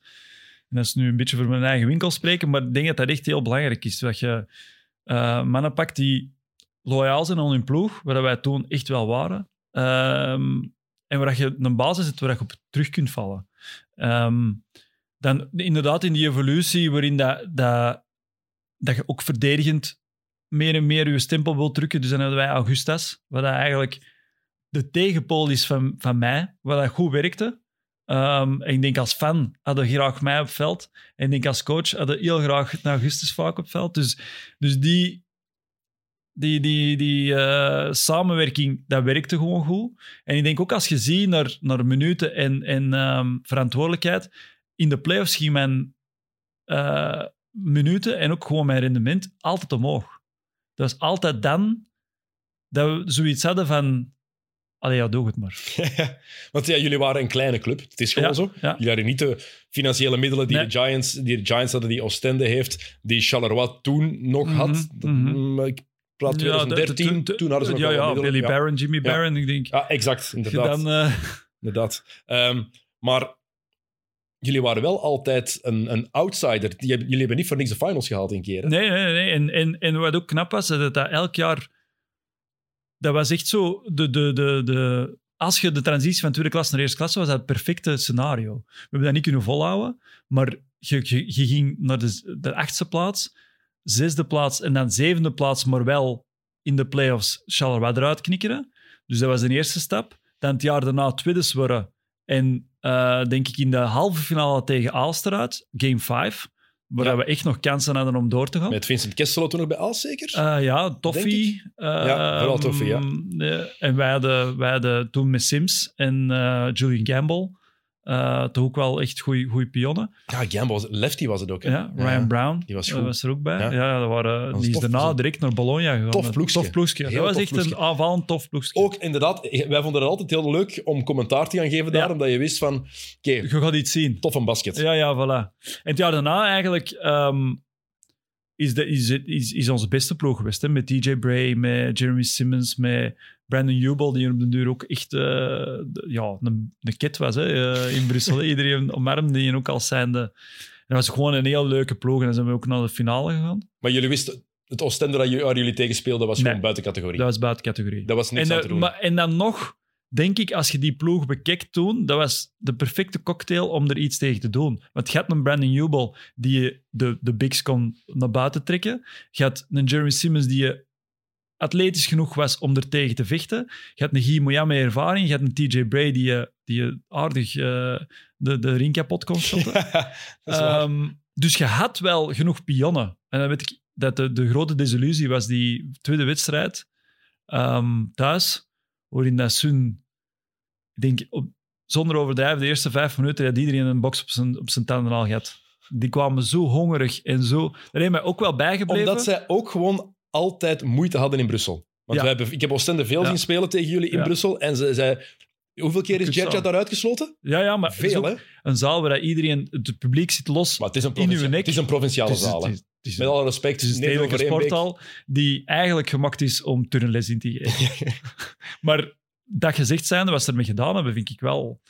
Dus, Het is nog altijd, als ik naar de playoff eh, eh, finale kijk toen, en boomvol, ja, dat is wat een zaal in België moet zijn. Het zijn misschien niet de, de zalen van de, de grote lotto-arena's die, die met 5000, 6000 man. Dat is in basketbaltermen voor ons soms hoog, te hoog gegrepen. de, Wij sfeer, zijn de de- sfeer was daar wel... Voilà. Ik, ah, ik, wij zaten altijd achter het veld, wat ik als commentator vreselijk vind. Achter Ja. de baseline zitten, Ja. want je hebt geen overzicht. Nee. Ik haat dat. Ehm, maar die een trommel... Die mens De stond- Blue Eagles. Die mens stond op 10 meter van ons, denk ik. Ja, dus die kwam ook binnen via die micro en je werd half doof als je daar, als je daar zat. Hè? En het hielp ook niet dat het 40 graden was. Dat is niet nog elke keer. Ja, maar voor, Ik voor, vond dat voor super, ons... hè? Echt? Oh, ik, ik, ik vond dat geweldig. Iedereen rondom mij was maar met, met ijsblokken in zijn nek. En ik, ik, ik speel het liefst... Daarom ook zo in koude zalen. Ik haat het. Als mijn handen niet warm aanvoelen, ik kan niet spelen. Ik moet die bal, dat moet bijna zo flinterdun zijn dat je zo gewoon die bal zo echt vast hebt. Het was echt daar, zeker in de Dat zomer. was helemaal mijn ding. Also de playoffs, daar bij Oh, jullie gaan... Super. Ik, weet, ik, ik kwam in short. Short en t-shirt. Ja, ja, ja. En dat, is, dat niet professioneel van mannetjes. Niet zweten en voelen. Als, ik, als ik een commentaar aan het geven ben, ik denk alleen maar aan het feit dat er zweet langs mijn gat, langs mijn reet ontgaan is. dat is Ook niet ook professioneel. niet professioneel. Dus laat mij gewoon doen. Ehm, maar ja, je hebt er zeven jaar gezeten. Ja. Eh, leuk project met de Cœur. Zeker. Die, ver- die vertrekt daar dan. Ja. Ehm, wanneer heb jij beslist, oké, zeven jaar is genoeg geweest. Ehm, ik ga nog één laatste uitdaging Ja. aan. En moeten we daar de naam, de naam Tony van den Bos opnieuw vermelden? Ehm, ja, sowieso. Een beetje een rode draad door heel- mijn carrière. Maar dat was eigenlijk ook zelfs niet, en wederom, achteraf gezien, denk ik, de beste beslissing. Maar dat was eigenlijk mijn eigen beslissing niet. Oké, dat, was, dat was het moment eigenlijk dat, dat, dat, dat er geldproblemen waren gewoon. Ze wisten niet, of dat zelfs niet, er was een bepaald moment dat ze niet wi- wisten of ze verder konden gaan in de eerste klasse. En ehm, ja, mijn contract was zeker niet van het zwaarste, maar wel zwaar genoeg om te zeggen, ja, is daar ruimte voor volgend jaar om een backup point guard, want toen was ik dat nog altijd, backup point guard hebben aan dat salaris. Dan werd er mij eh, gezegd van, ja, je, we willen nu niks verplichten, je kunt een andere ploeg eh, zoeken.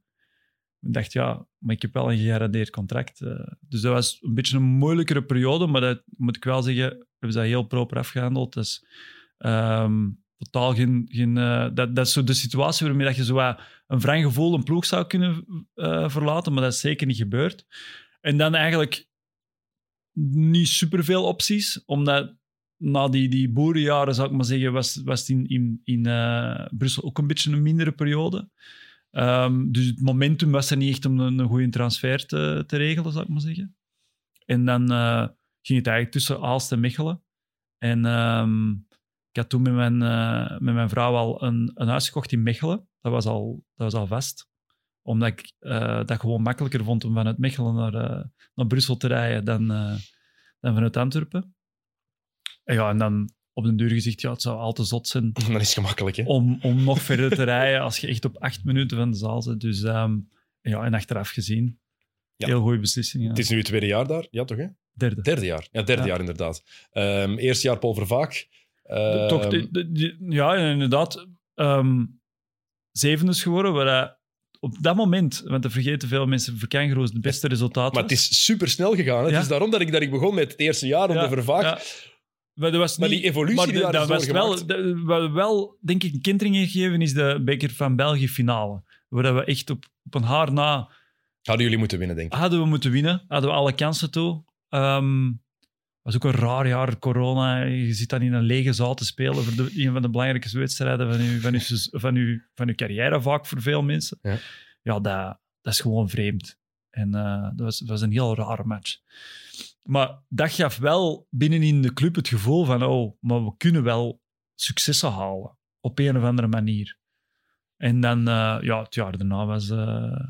allee, vorig jaar was, was eh, een Spro- echt boerjaar. Het sprookjesjaar, hè? Ja, sowieso. Echt een absoluut sprookjesjaar. Christophe Michiels komt als coach. ehm, jong, onervaren. Ja. Niemand weet eigenlijk wat ervan te verwachten. Mhm. Jullie zelf ook niet, denk ik. Nee. Want wat denken jullie dan als, als spelersgroep? Jullie hebben net een, een ervaren rot gehad, Paul Vervaak, die Ja. alles heeft meegemaakt. Mhm. Die van de jaren 80 bij Racing Mechelen al als assistentcoach had overgenomen heeft. Even van Lucia van Kerschaver zelfs als headcoach. Zoveel Ja, ja, jaren, ja, ook in het buitenland gewerkt heeft. Jaren eerste klassers gecoacht. Naar iemand die alleen maar assistent is geweest. Ja, ik, ik, kende, wat- ik kende Christophe totaal niet eigenlijk. Maar, maar dat is wel heel slim van hem geweest. Die heeft, ehm moment, denk de dag dat het bekend werd, heeft hij mij een bericht gestuurd. En gezegd, kun je eens babbelen over volgend jaar en zien hoe, dat we, hoe dat we het zien. Ehm, dat eerste jaar heel veel inspraak ge- gevraagd ook. Ehm, van mij en Wen. Heel vaak samengezeten, heel vaak gebabbeld over welke richting gaan we uit. Moeilijke beslissingen genomen. Ik, kan me herinneren, Nate Grimes, eh, die averaged 20 en 20. Hè. Die had een match op, op Antwerpen die hem zelf eigenlijk won. Ehm, die was indrukwekkend in het was begin. De eerste, ongelooflijk. het, Vijf, Dat zes was weken? Was Vijf, die- zes weken, die miste niet. Drie punters ook niet. Terwijl hij eigenlijk op training hem niet maakte. Dus ik dacht, ja, dat kan niet blijven duren, maar het bleef duren. En dan moeten als ploeg de beslissing maken. wacht even, die een ongelooflijke, heel goede Amerikaan die 2020 averaged, doet hij onze ploeg pijn of niet? En ik denk dat een ervaren rot had die beslissing niet durven nemen, denk ik. Maar Is het Christophe Michiel, zie dat zelf, de coach? We hebben dat in, in samenspraak gedaan en het hielp ook wel. Op een bepaald moment, hij, hij geraakt gekwetst. En wij denken, oei, ons seizoen is in gevaar, want onze beste speler is gekwetst. En ik denk dat we dan op eh Brussels gaan spelen. En wij speelden die van kasken op de muur en het, en het vloeide en het, en het alles op, ging zo snel.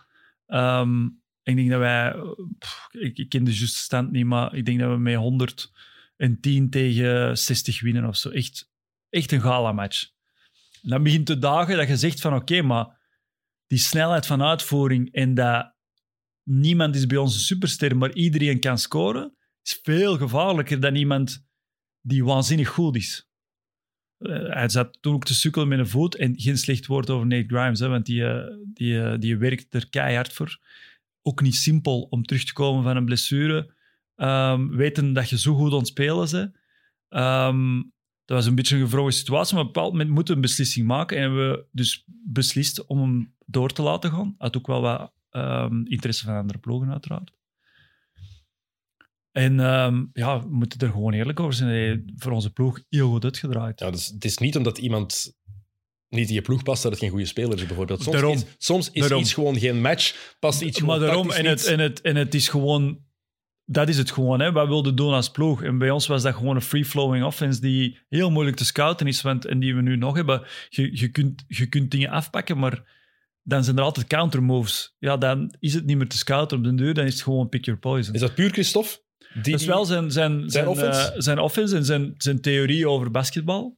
eh, die gefine-tuned is, mede ook door de inbreng van Win. Met Jonas Voert zit daar ook een heel duidelijke visie in over hoe dat basketbal gespeeld moet worden. Ehm, maar uiteindelijk is de, is, is de coach die beslist natuurlijk. Hè. En ehm, ja, ik, ik voelde wel vanaf dag één dat dat, dat, dat klikte en dat dat, dat, dat goed zou matchen. Ja, ik, ik schrik er niet van dat je Jonas ook vernoemt trouwens. Ehm, die was eh, co-commentator tijdens de BK 3 Ik vond die top. Ik vond die fantastisch. Echt. Echt, waar. Dat is eh analist van de toekomst. Ja, ja, ja, want het was to the point, maar ook grappig. Ja? En, en, ja, ja, ja, ja. Hij heeft zelfs ene keer tegen Chris gezegd: Chris, in basketbal zeggen we geen korf. Dat is mooi. Dat is mooi. Ik moet wel zeggen, ik ben nu die Belgasport aan het maken over Racing. Mechelen. Veel korven. Alleen maar. Wordt, werd alleen, ik heb het over jaren 80, begin jaren 90, werd alleen maar gezegd. Alleen maar korven Dus ehm, En van ver? we zijn, geëvolu- Nee, we zijn van heel geëvolueerd. We zijn geëvolueerd van, van, van lingo. We hebben toen al drie punters geschot. Ja, Ronnie, Ronnie Ah Bayer. ja, tuurlijk. Ja. Oh, wow. Jonge Dat Ronnie Bayer. Jonge Ronnie mijn Bayer. excuses. Ronnie. Oef, die was... Ja, wat, een- wat ja. een kanon. Ja, ongelooflijk. Ik heb, heb, ik, over, ik heb je als coach gehad. Hè? ja, ik weet het, bij RBA. Ja, Ik heb het over Ronnie, ik heb het over Ronnie Bayer. Toen was hij van zijn, tussen zijn 18 en zijn Ja, ja, ja, 23ste. Voor zijn eerste zware blessures. ja, ja. ja. Dat was, echt dat was Duncan een, ook en zo. Hè? bommetje. Ja, ja, ja. Waanzin. En Danny Herman zat daar toen bij Mechelen. Als we het over shooters hebben. Bill Varner. Kon ook nog Ja. wel eens een driepunter Ja, binnenknallen af en toe. Oké, mijn excuses. Dus, ik dacht eh, dat we verder terug op. Nee, maar eigenlijk speelde hij met momenten. Oké, het ging trager. Maar er zat- zaten eigenlijk heel veel moderne aspecten in, in dat basketbal. hadden, hadden ook wel inderdaad de spelers om een ander type. Moesten die, diezelfde spelers naar deze, die zouden heel goed vertalen naar deze. ik denk dat er veel spelers inderdaad goed mee zouden Ze kunnen. wel spijt hebben dat ze niet later geboren zijn. Ja, basketbal dat heb hè. ik ook. Dus, ja.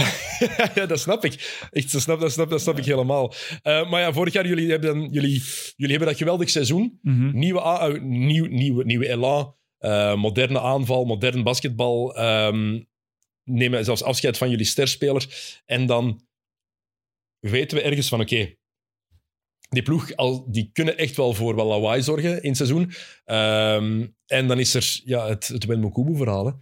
Goh, Dat is voor je zo'n zo'n ongelooflijke... Smet is niet het juiste woord, want het is geen smet op jullie, op jullie, op jullie seizoen, maar ehm, een aderlating eigenlijk gewoon. Want het is altijd gemakkelijk om te zeggen, wat als we die hadden gehad? Ja, ja, maar het is wel jullie, jullie, jullie aanvoerder, jullie captain, die... En, en op wat voor een manier ook, hè? Want dat Nou, de mensen, misschien mensen die het verhaal ja, niet kennen van hè. dus dus het, het was ook nog altijd in het sluimeren van het coronatijdperk. Hè? Dus iedereen Beetje bang. wat, iedereen had, had een hoest. Dus iedereen dacht, ja, we zijn er weer. Op een bepaald moment ehm, zien wij, we een paar dagen niet. De, de, de communicatie naar ons toe is ook gewoon ziek. Ehm, Oké, ja, ziek. Kan gebeuren. Berichtjes sturen, eh, veel better. Ehm, nog een weekje later is hij er nog altijd niet. Ja, ernstig ziek. Ah, ja, oké. Ehm, binnen het, het, het bestuur wist natuurlijk iedereen alles wel. Maar geprobeerd toch, dat was echt op het einde. Hè? Dat was niet...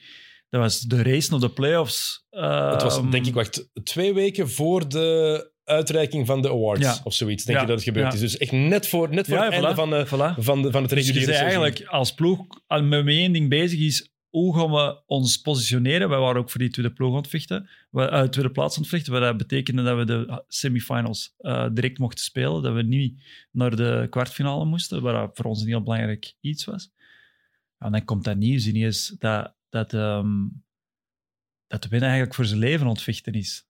En door iets dat er al van zijn kindertijd zit, een complicatie, die, die niemand kon verwachten en hij zelf ook niet. Dat is bij zijn hart, hè, dat het zat. hè? Het, het, het ding was, dat ze het mij vertelde, en excuus als het niet helemaal klopt, want het is ook allemaal wat wazig. Ehm, er zat iets eh goedaardig, maar een gezwel dat zich eigenlijk genesteld had en dat samen met hem gegroeid is. Want eh, dat zat er al van jongs af aan, blijkbaar. Maar dus nu kwam de, de, de, de- die periode, begon dat te duwen tegen vitale organen, waaronder dus zijn hart. Eh daarom dat hij ook last kreeg van dingen die symptomatisch niet klopten. Hè, dat ze dachten van, ja, maar als Ze- dat is, is dat niet. En zeker een gast als Ben Mukubu, die zich Voilà. fysiek zo goed maar het verzorgt. probleem is ook, er zaten zoveel spieren rond waarschijnlijk, dat hij dat zelf niet door had. en af en toe zou hij misschien inderdaad eens op zijn adem getrapt hebben, maar gedacht hebben van, uh, amai, nou word ik, ik, ik word niet oud, punt. En en ehm, ja, op een bepaald moment moet er dan toch testen geweest zijn. En is hij echt in een nacht in, in, in, eh, in shock gegaan. En hij is echt, echt close geweest. Dat is echt eng. En dan het idee dat ik- in de zomer wandel ik die zaal binnen en die staat daar te basketten. En zijn eigen tot het uiterste te pushen. Dan denk ik, ja, dat is, dat is de waanzin. Ja, het is in, want hij speelt nu gewoon weer. Ja, hij is ja. fysiek, je merkt Ja. wel, hij is iets skinnier dan, Hij- dan, hij dan was- hij zijn prime was. Hè? Ja. Allee, dat- dat- Ja. Zelfs dan hij net voor, Maar net voor zijn... Toen, dat- toen hem dan naar de wedstrijd was gekomen, achteraf, dat was Maar ik, heb, ik was daar de echt eerste match. De eerste match dat hij is terug is gekomen, Ja. dat hij nog niet, dat hij nog met een kruk liep, denk ik ook. Hè? Ik denk dat Ja, hij ik nog denk niet... het wel zo. Niet zelf alleen. Nee, en, maar hij had hem nog kleren aan, hè. Maar en dan- die was super mager. ik denk dat hij 70 kilo woog. Jesus Ja, Christ, man. wat voor Daarom, het dus contrast was ook zo in- In gigantisch. pre-season zie ik hem en hij zegt, ja, ik ben maar tot 95 geraakt. Ik had graag tot eh, 102 geraakt. In hoeveel maanden? In drie Ja, maanden. Nog niet. Zoiets, zoiets. Dat is Ja, dat is waanzinnig. Eh, speler van het jaar geworden. Ja. Dat is niet daardoor, denk ik. Maar het, is, is wel, het heeft misschien wel net dat duwtje gegeven in de strijd tussen jou en hem, denk ik. Niet Ik, ik, denk, ik, denk, ik denk, als je inderdaad vorig jaar naar onze ploeg keek, dat je Het ging tussen jullie twee. Ja, voilà. Heel simpel. Eh, Dat, dat gevoel had ik ook wel. Met alle respect, want dat vind ik dan ook altijd wel. Hè. Is altijd de beste speler in de beste ploeg. Denk ik dat hem misschien daardoor wel soms iets te snel gepasseerd wordt. Maar het probleem is bij Oostende, er is zoveel kwaliteit Ja, vaak. ja. En de manier waarop zij spelen, Mhm. Gillet is, zelden de uitblinker. Nee, of, het, val- of het valt gewoon minder op. Hij blinkt wel uit. Er- maar- je kunt veel andere mensen aanwijzen. ja. Ja. En vooral als Gillet uitblinkt, is het vaak defensief. Ja, in de dingen die niet het statistisch... Nee, eh, en nee, je moet waar. heel hard opletten om te merken van Gillet was weer de man vandaag. Ja. die heeft vijf punten. Ja, maar nee. Die liep iedereen eraf. Kijk wat hij gedaan eh, heeft. eh, En het is ook zo'n ultieme ploegspeler eigenlijk, vind ik toch. De- Hoe dat Gillet geëvolueerd is door in de jaren, is, Ja. vind ik indrukwekkend. Maar dat is inderdaad wel, wel een nadeel. Maar Maar, maar ik, ik, ik, ehm, ik moet dat eerlijk toegeven. Toen was ik daar ongeveer 0,5 seconden teleurgesteld over. Omdat je... omdat het win was. Nee, omdat het win was. En omdat ik ook vond dat dat verdiend was. En dat ik ook vond van... Het kon ons allebei zijn. Het was een Ja. dubbeltje op een kantje. En op dat moment dacht ik... Ja, dat nieuws gaat voor hem zo'n opsteker zijn. Ik gun het hem 100%. Ja, ja, absoluut. Het enige wat je zelf, dat zijn heel even egoïstisch bent, denkt, ja, ik ben 37. Hoeveel kansen ga ik nog hebben om... Ik heb nooit echt de, de, de prijzen gewonnen. Zowel niet team als... als eh, er is zo niks dat de kers op de taart is. Eh, Die kan er nog komen, hè. Maar, dus dat was het enige dat ik zoiets had van, ja, dat is jammer. Maar dat was dan ook wel heel snel terug weg. En ehm, ik, ik weet niet meer wie dat tegen mij zei. Van, ehm, het is ook niet slecht van misschien de Leonardo DiCaprio van het Belgisch basketbal te zijn. Hij heeft er één gewonnen, hè? Eén Ja, Oscar, maar, hè? Hij heeft er één- hij heeft er één gewonnen, Dat hè? ervoor dan. Het kan nog. Hey, je, hebt, je hebt nog dit Ja. jaar nog. En je, Ja, en je hebt bijgetekend voor een jaar. Je, je bent compleet zot. Maar. eh, Ik allee. heb nog niet bijgetekend, Ah, maar dat- is zo goed als er. Ah. Dan is het verkeerd gecommuniceerd. ja, werd, dat, dat klopt. het werd eh, gecommuniceerd. Ik eh, sowieso nog nog een een jaar, gele briefkaart sturen, maar ik heb dat maar niet gedaan. maar nog een jaartje erbij. Dat vind ik eigenlijk wel straf. Ja, Maar je, je, je, maar je ziet ook op het veld, al- als ik jou zie spelen, denk ik. Die mensen loopt er nog veel te fris bij. ah, wel, ik- dat gevoel heb ik zelf. Ik, S'morgens toch niet, hè? Na een dat zware match. eigenlijk echt goed mee. Echt? Ook ik na een heb match? altijd zo klein kwaaltjes dat ik zo... Soms sukkel ik even met de... Bijvoorbeeld, nu is dat een klein beetje de, de, de zool van mijn voet, waar ik even door moet. Maar mijn Dat is, benen... dat, is een, dat is een mijn- vervelende blessure. Hè? Ik, ben Ja, er, ik ben er zelf twee keer aan geopereerd geweest aan Ah, ja, onderkant doorgezakte voet. Zo, en dat is. Ja, maar ik heb, Zo ik heb wel heel goede steunzool. Ik word heel goed opgevolgd, dus dat verplaatst zich ook een beetje. Dus dat is echt puur een beetje... ehm, ja, eh, te- van te veel spelen gewoon. Ja. En die steunzolen, dat is echt. Ja, Dat, kan een- zo voor zoveel verlichting dat is zorgen. echt een... eh, dus onze medestaf doet dat wel ook heel goed. En ik, ik heb dat blijven zeggen. Bij mij gaat het niet om... Het gaat gewoon om, vind ik het nog plezant? En vind ik dat ik, dat ik echt nog mijn, mijn, mijn plan kan trekken en dat ik gewaardeerd word? Voor mij is dat heel belangrijk. Ik heb dat gemerkt door in mijn carrière. Ik wil waardering voelen van mijn ploeg en van, van de ploeg waar ik voor speel. Dat, dat is een beetje een drijfveer bij mij ook heel vaak. En dat heb ik heel hard bij de kangaroos en ook in mijn entourage. Dus dan denk ik, ja, als, als het plezant is, waarom zou ik me stoppen? En iedereen waar ik mee babbel die gestopt is, zegt ehm zolang mogelijk blijven voortdoen, zolang dat je het kunt. En iedereen die in mijn positie zit en er bijna mee gaat stoppen, zegt stop er eens Maar het, komt, want het komt nooit meer terug, en dat weet je Nee, ook, hè. nee, nee, dat is het probleem. Hè. Dat zeg iedereen die gestopt is, weet dat ook van... Want toen ik gestopt was, Ja. veel lager niveau. Ja. Ik weet het, maar ik was ook ergens opgelucht. Vooral, wat ik, waar ik blij om was, die verplichte uren om te gaan trainen. Dat had Oh. ik nooit... Nu, bij mij is het ook na het werk samen met mijn vrouw gaan zitten. Ja, maar, dat is, nee, maar voor, mez- voor jezelf, ik vind dat heel Maar leuk ja, als ik, als, ik- als ik- ik dat is zelf ook het probleem. Ik heb dat zelf heel hard. Hè. Ik, ik ben ook echt een mens. Ik hou zo hard van reizen. Dat, dat, dat is echt een reset-button voor mij. Ja. Maar ja, door één seizoen heb je de gewoon Nee. die kans niet. Maar, los, ook, maar ook als je gewoon thuis zit... Ik sport regelmatig, vier, vijf keer per week, denk ik. Maar op je eigen tempo. op- wanneer, wanneer ja. ik zelf wil. Ja, ja, Op ja. het moment, oké, nu wil ik gaan. Als ze elke, wij, en wij, zo, we hebben zo twee, drie jaar gehad dat wij trainden om half tien s'avonds, Ja, half tien tot elf. Dat is, voor je sociaal Dat leven denk- ook echt ja, maar je hebt ook niet, gewoon geen goesting meer. Hè. Nee, je komt nee. thuis om half acht of zo, je in die zetel en dan denk je, ach, moet ik nu nog gaan trainen daar gaan? En dan ben je daar en dan is dat kei plezant. Als Ja, je ja, bezig bent, ben- heb je er geen spijt meer Wel, van, maar zo die trainingsuren. Maar ja, ik heb nu ook de luxe. Wij doen eigenlijk de 9 to 5. Hè. We hebben Ja. s ochtends van 10 tot 12 onze trainingen, dan rust en dan van 3 tot 5. Dus je doet de 9 to 5. Maar zelfs in tweede klas had ik het daar minder mee. Maar inderdaad, zo dat geen weekend hebben. Ja. Nul. En ik zit thuis met een vrouw die super ambitieus is en een carrière maakt. Die doorheen de week keihard gaat. En vrijdag ook er een knop wil afzetten. Maar dan gaat mijn knop eigenlijk aan. En die, dat verschil, daar kijk ik wel heel hard naar uit, dat we dan zo op dezelfde golflengte zitten. Dat je niet meer rekening moet houden met... Ah nee, vanavond moet ik Ja, echt om dat- wel elf uur in mijn bed, want ik heb morgen Daarom. match en ik kan Daarom, en vanavond ook- zeker geen wijn drinken, want Nee, morgen... nee, nee. Hoe, hoe ziet de zaterdag eruit? Ja, om tien uur moet ik gaan shotten, dan hebben wij tactics. En dan daarna zou ik wel het liefst een beetje zo wat mijn routine doormaken. Nu, mijn vrouw is daar heel goed in, die snapt dat ook. Ze vindt dat niet leuk. Ja, die heeft maar, jou ook leren kennen toen je al prof was, hè? ja, maar ik heb toen wel misschien gelogen en gezegd dat dat meestal tot de 32 is. wat, wat ook kon. Dat had zeker kunnen. wat ook kon. Wat ook mijn idee was. maar dus nu, elk jaar, nu dus ook de, de vraag, doe ik er een jaartje bij? Ik, ik, heb, niet- ik, heb ze nog, ik heb ze nog gezien op de opening Ah, van Plays voilà. Uit. En ik zei toen nog van, eh, gaat er nog een jaar bij doen. Zei ja. Ja, voilà. Dat, zal, zo. dat zal niet meer... Dat is elk jaar zo... Allee dan.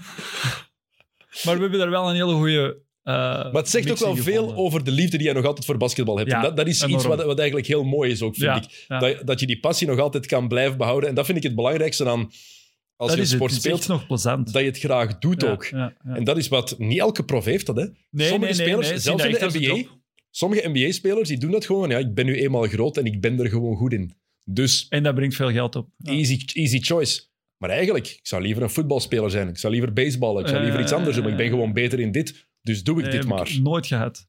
Al mijn kindertekeningen waren altijd van basketballen. En, eh, en nu nog inderdaad, dan, dan gaan wij op reis voor, voor een maand. En dan tegen het einde van die maand denk ik, ja, nu, nu kunnen we toch wel terug beginnen basketten, vind ik. Snap ik. Ehm, een paar vragen, dan ga ik je laten. Ehm, is er ook nog iets dat je effectief wil bereiken? Want je zegt net, die kers op de taart is er nog niet gekomen. Is dat misschien toch nog één prijs winnen? Ja, ik zou individueel liefste van als team? eh, Als ik echt mag kiezen, dan zou ik inderdaad als team willen dat we, dat we toch nog... Ik had heel graag de beker gewonnen. Dat vind ik, vind ik zo folklore en zo haalbaar. Dat klinkt haalbaar in je hoofd. Dat is ook zo. Ja, maar dan, daarom juist ook niet. Omdat dat zo, dat is zo elusive. Hè? Dus de, de, de, de Limburg heeft dan vorig jaar gedaan en dan toch in de, in de, in de eh, Silver League gesukkeld. Maar het is gemakkelijker om de beker te winnen dan om de titel te winnen. Ja, sowieso. Daarom bedoel ik het. haalbaar. Sowieso. Alleen denk ik dat je als ploeg ook wel ergens een transitie moet doormaken om echt op je top te zijn. En dat Mhm. je meestal in een beker eh, die kans niet. Omdat je daar veel vroeger moet pieken. Ik, ik, ik, Maar het is ook een shootout in een beker en dat is dan weer het voordeel. Ja. Je kan, als je Ja. net een goede periode hebt, dat Ja. ene weekend, waar je, waar je de halve finale of kwartfinale back-to-back speelt, en net dan zit je in vorm. Ja, dan, dan kun je inderdaad eh Oostende verrassen. En in zo'n finale, dat is één match. Hè? En in do or die. Oostende heeft, niet, heeft geen twaalf bekers op rij gewonnen. Ja, maar dat vind ik dus heel raar. Moest ik, dan moest ik dan dat eerste jaar met Kangaroos de beker gewonnen hebben, of dat ik dat de kerst op de taart voor in mijn ogen had geweest, ik weet het niet. Dus ik weet niet naar waar ik op zoek ben. Met, maar die ik, titel, die titel vorig jaar, want we gaan eerlijk titel zijn, vorig jaar had, had want zonder, zonder Wen, zonder Ja. Bukubu, hebben jullie vorig jaar, in mijn ogen, jullie hebben echt dingen laten liggen. we- ja, ja, ja, ja, ja, zeker. Het is niet dat Oostende onverdiend kampioen was, dat Nee, zeg ik nee, niet. nee, dat vind maar ik er, ook er niet. waren kansen. Er Maar waren wa- kansen. er waren want denk, verdiende we moeten kampioen. wel- we maar jullie wel- hadden wel... oppassen, want op, op Oostende zijn we eigenlijk altijd zo over, overbluft bijna. Hè? Dat je voelde, oei, ze zijn onervaren. Maar gingen jullie dan ook misschien met een andere mindset naar Oostende? Weten van, oké, het is in Oostende. pff, Ik denk Het zal wel heel ploegen. moeilijk worden. Ik denk echt beide ploegen. Ik denk dat je zit in die zaal, de Winket Kai, laat ons eerlijk zijn. Je, je maakt een layup en je ging al, ging al bijna in de boarding. Maar ik hou van die zaal, man. Maar ik vind die top. Oh. Ik vind dat soort zalen top. Dus toen komen we daar met het idee van waar zijn wij in godsnaam de finale van de, van de België aan het spelen. We zijn, deze is het summum van België en we zitten hier. En ik denk alleen maar kunnen we terug naar dat kleine zaltje gaan. Eh, Trouwens, over een sauna gesproken. eh, de finale vorig jaar. Ook goed, hè? Fucking hell, Leuk, hè? Dat was belachelijk. Ik denk, Ja. match, want wij zitten dan helemaal van boven. Hè? Was In de match nok. 2 of match 4? Maar, allee, ja, dat was, vier zal nog erger geweest zijn, één want match- Dan zaten ze op de trappen. oh, maar dat was niet te doen. Dat was Nu hebben ze wel, ik denk, aan de aanleiding daarvan hebben ze wel een eh, ventilatie. Ja, maar die is niet aangesloten. Die was niet aangesloten. De laatste keer dat ik het gehoord heb van Tony, was er een nieuw ventilatiesysteem, maar Tony. het werkte niet. dus, dus ja. Ehm, maar ja, nu dit jaar, ja, jullie opnieuw, jullie doen mee, jullie zijn dus 9 Ja. en 5. Ja. En dan valt jullie go-to guy uit Ja. voor de rest van het, eh, van het Ja, jaar. ja. Achillespeesblessure. Ze gaan wel stevige scouting moeten doen om, wat is het, hoeveelste is vandaag? 27 januari. Om nu nog iemand te vinden die zijn rol nog maar voor 80% kan in. Maar dat hebben we binnen de groep al gezegd en dat, dat siert ook Brian Fops. Er is op deze moment geen tweede Brian Fops, niet in België. Misschien zelfs niet in de buurlanden. Dat, dat, die was ook super leergierig, die paste in de groep, die, eh, die ondanks die werd drie keer achter, achter elkaar MVP en die kwam terug om te werken. Je had niet het gevoel dat hij op zijn lauweren rustte, dat hij zoiets had van, ja, maar jongens, voilà. Nie, die had niet zoiets van, eh, ja, maar nu ben ik hier wel, dus eh, eh, zeg, deze doe ik allemaal niet meer.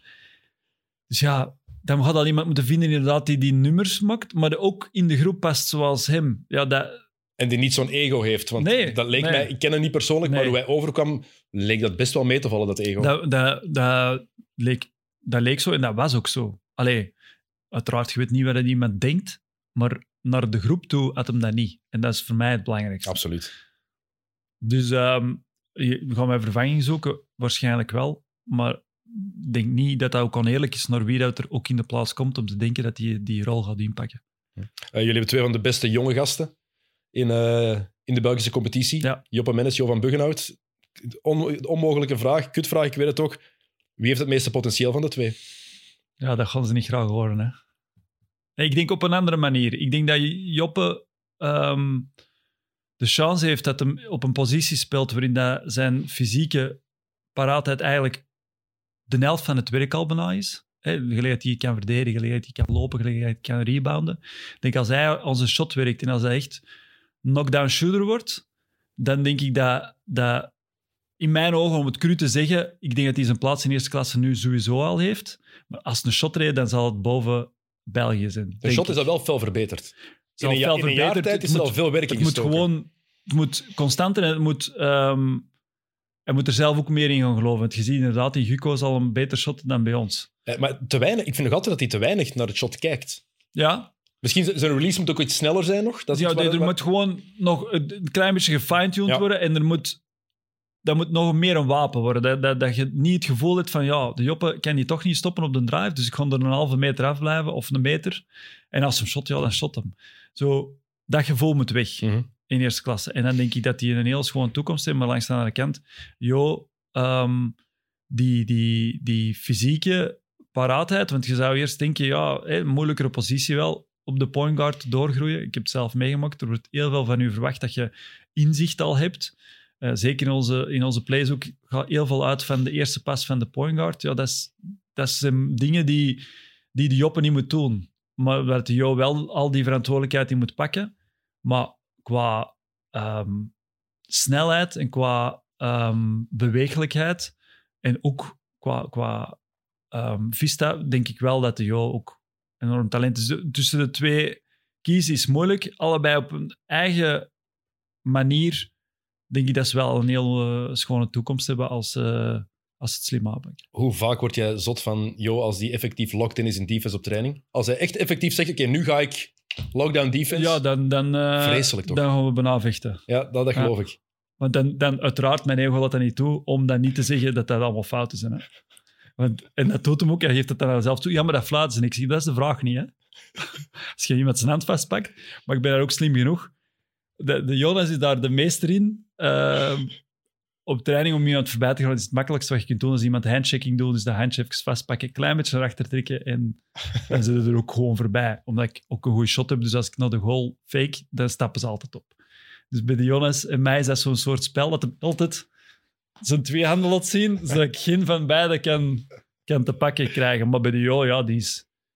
Daar moet ik, daar moet ik echt al mijn ervaring voor bovenhalen, want op de eerste dribbel raakte daar gewoon niet En voorbij. snelle voeten. Ja, en ja. Zit ook altijd zo... Als hij wil, Ja, ja, ja, ja. dat is echt Ja, vreselijk. maar daarom dat ik zeg, fysiek ook wel echt ehm, in de stijl van San Rossum voor zijn leeftijd enorm hoog al. Ik ben heel benieuwd wat ze gaan doen in de, in de komende jaren. Ja, hoe ze gaan eh, ook. verder evalueren. Alright, Domien. Dikke merci om af te komen. Graag gedaan, het was, het was heel tof. Ja. Ehm, de Red Lions hebben trouwens gewonnen naar shootouts van Holland. Hopla. Dus eh, spelen de finale. Jullie kunnen die trouwens zondag ook zien op Play Sports. Ik zal maar even reclame maken daarvoor, want die wordt al live uitgezonden. Dus vanaf twee uur de finale van het WK Hockey België-Duitsland op eh, Play Sports te zien. Ehm, wat moest ik nog meegeven? Volgende week zijn we terug. Volgende week is er al onze Super Bowl special. Eh, dit weekend worden de Championship Games gespeeld. Dus de Super Bowl is er over twee weken. Maar we willen jullie genoeg tijd geven om die deftig te kunnen voorbereiden. Dat we niet pas vrijdag droppen als het zondag al de Super Bowl is. Dus jullie hebben dan negen of tien dagen om eh, te luisteren wat eh, Jurgen komt vertellen. En Leroy gaat er dan ook opnieuw bij zijn. Dus dat is voor volgende week. Vrijdag gaat die, eh, gaat die online komen. Dus dan is er de Super Bowl special. Mid is terug. Deze week was er de eerste aflevering van 2023 met Sisse Severijns. Aanrader. Lange aflevering, maar heel veel toffe verhalen. En iemand die bij Germal Ekeren gespeeld heeft. Dat is altijd een goed idee. Eh, wat moet ik nog promoten? 90 Minutes is er geweest. Eh Rune, was er een kick and rush? Ja, hè? Er was ook kick and rush, absoluut. Dus dat kunnen jullie ook beluisteren. En eh, voilà, dan zijn we volgende week terug met een NFL-special. Ehm, het is een Super Bowl, dus dat heeft altijd nog iets extra. En de week erna, of de week daarna, is het de Chaotic Four. Maar er komen nog genoeg NBA-afleveringen. eh, zeker met het All-Star Game dat eraan komt. En dan de laatste homestretch naar de playoffs. Voilà, dat was het. Tot volgende week. Salut.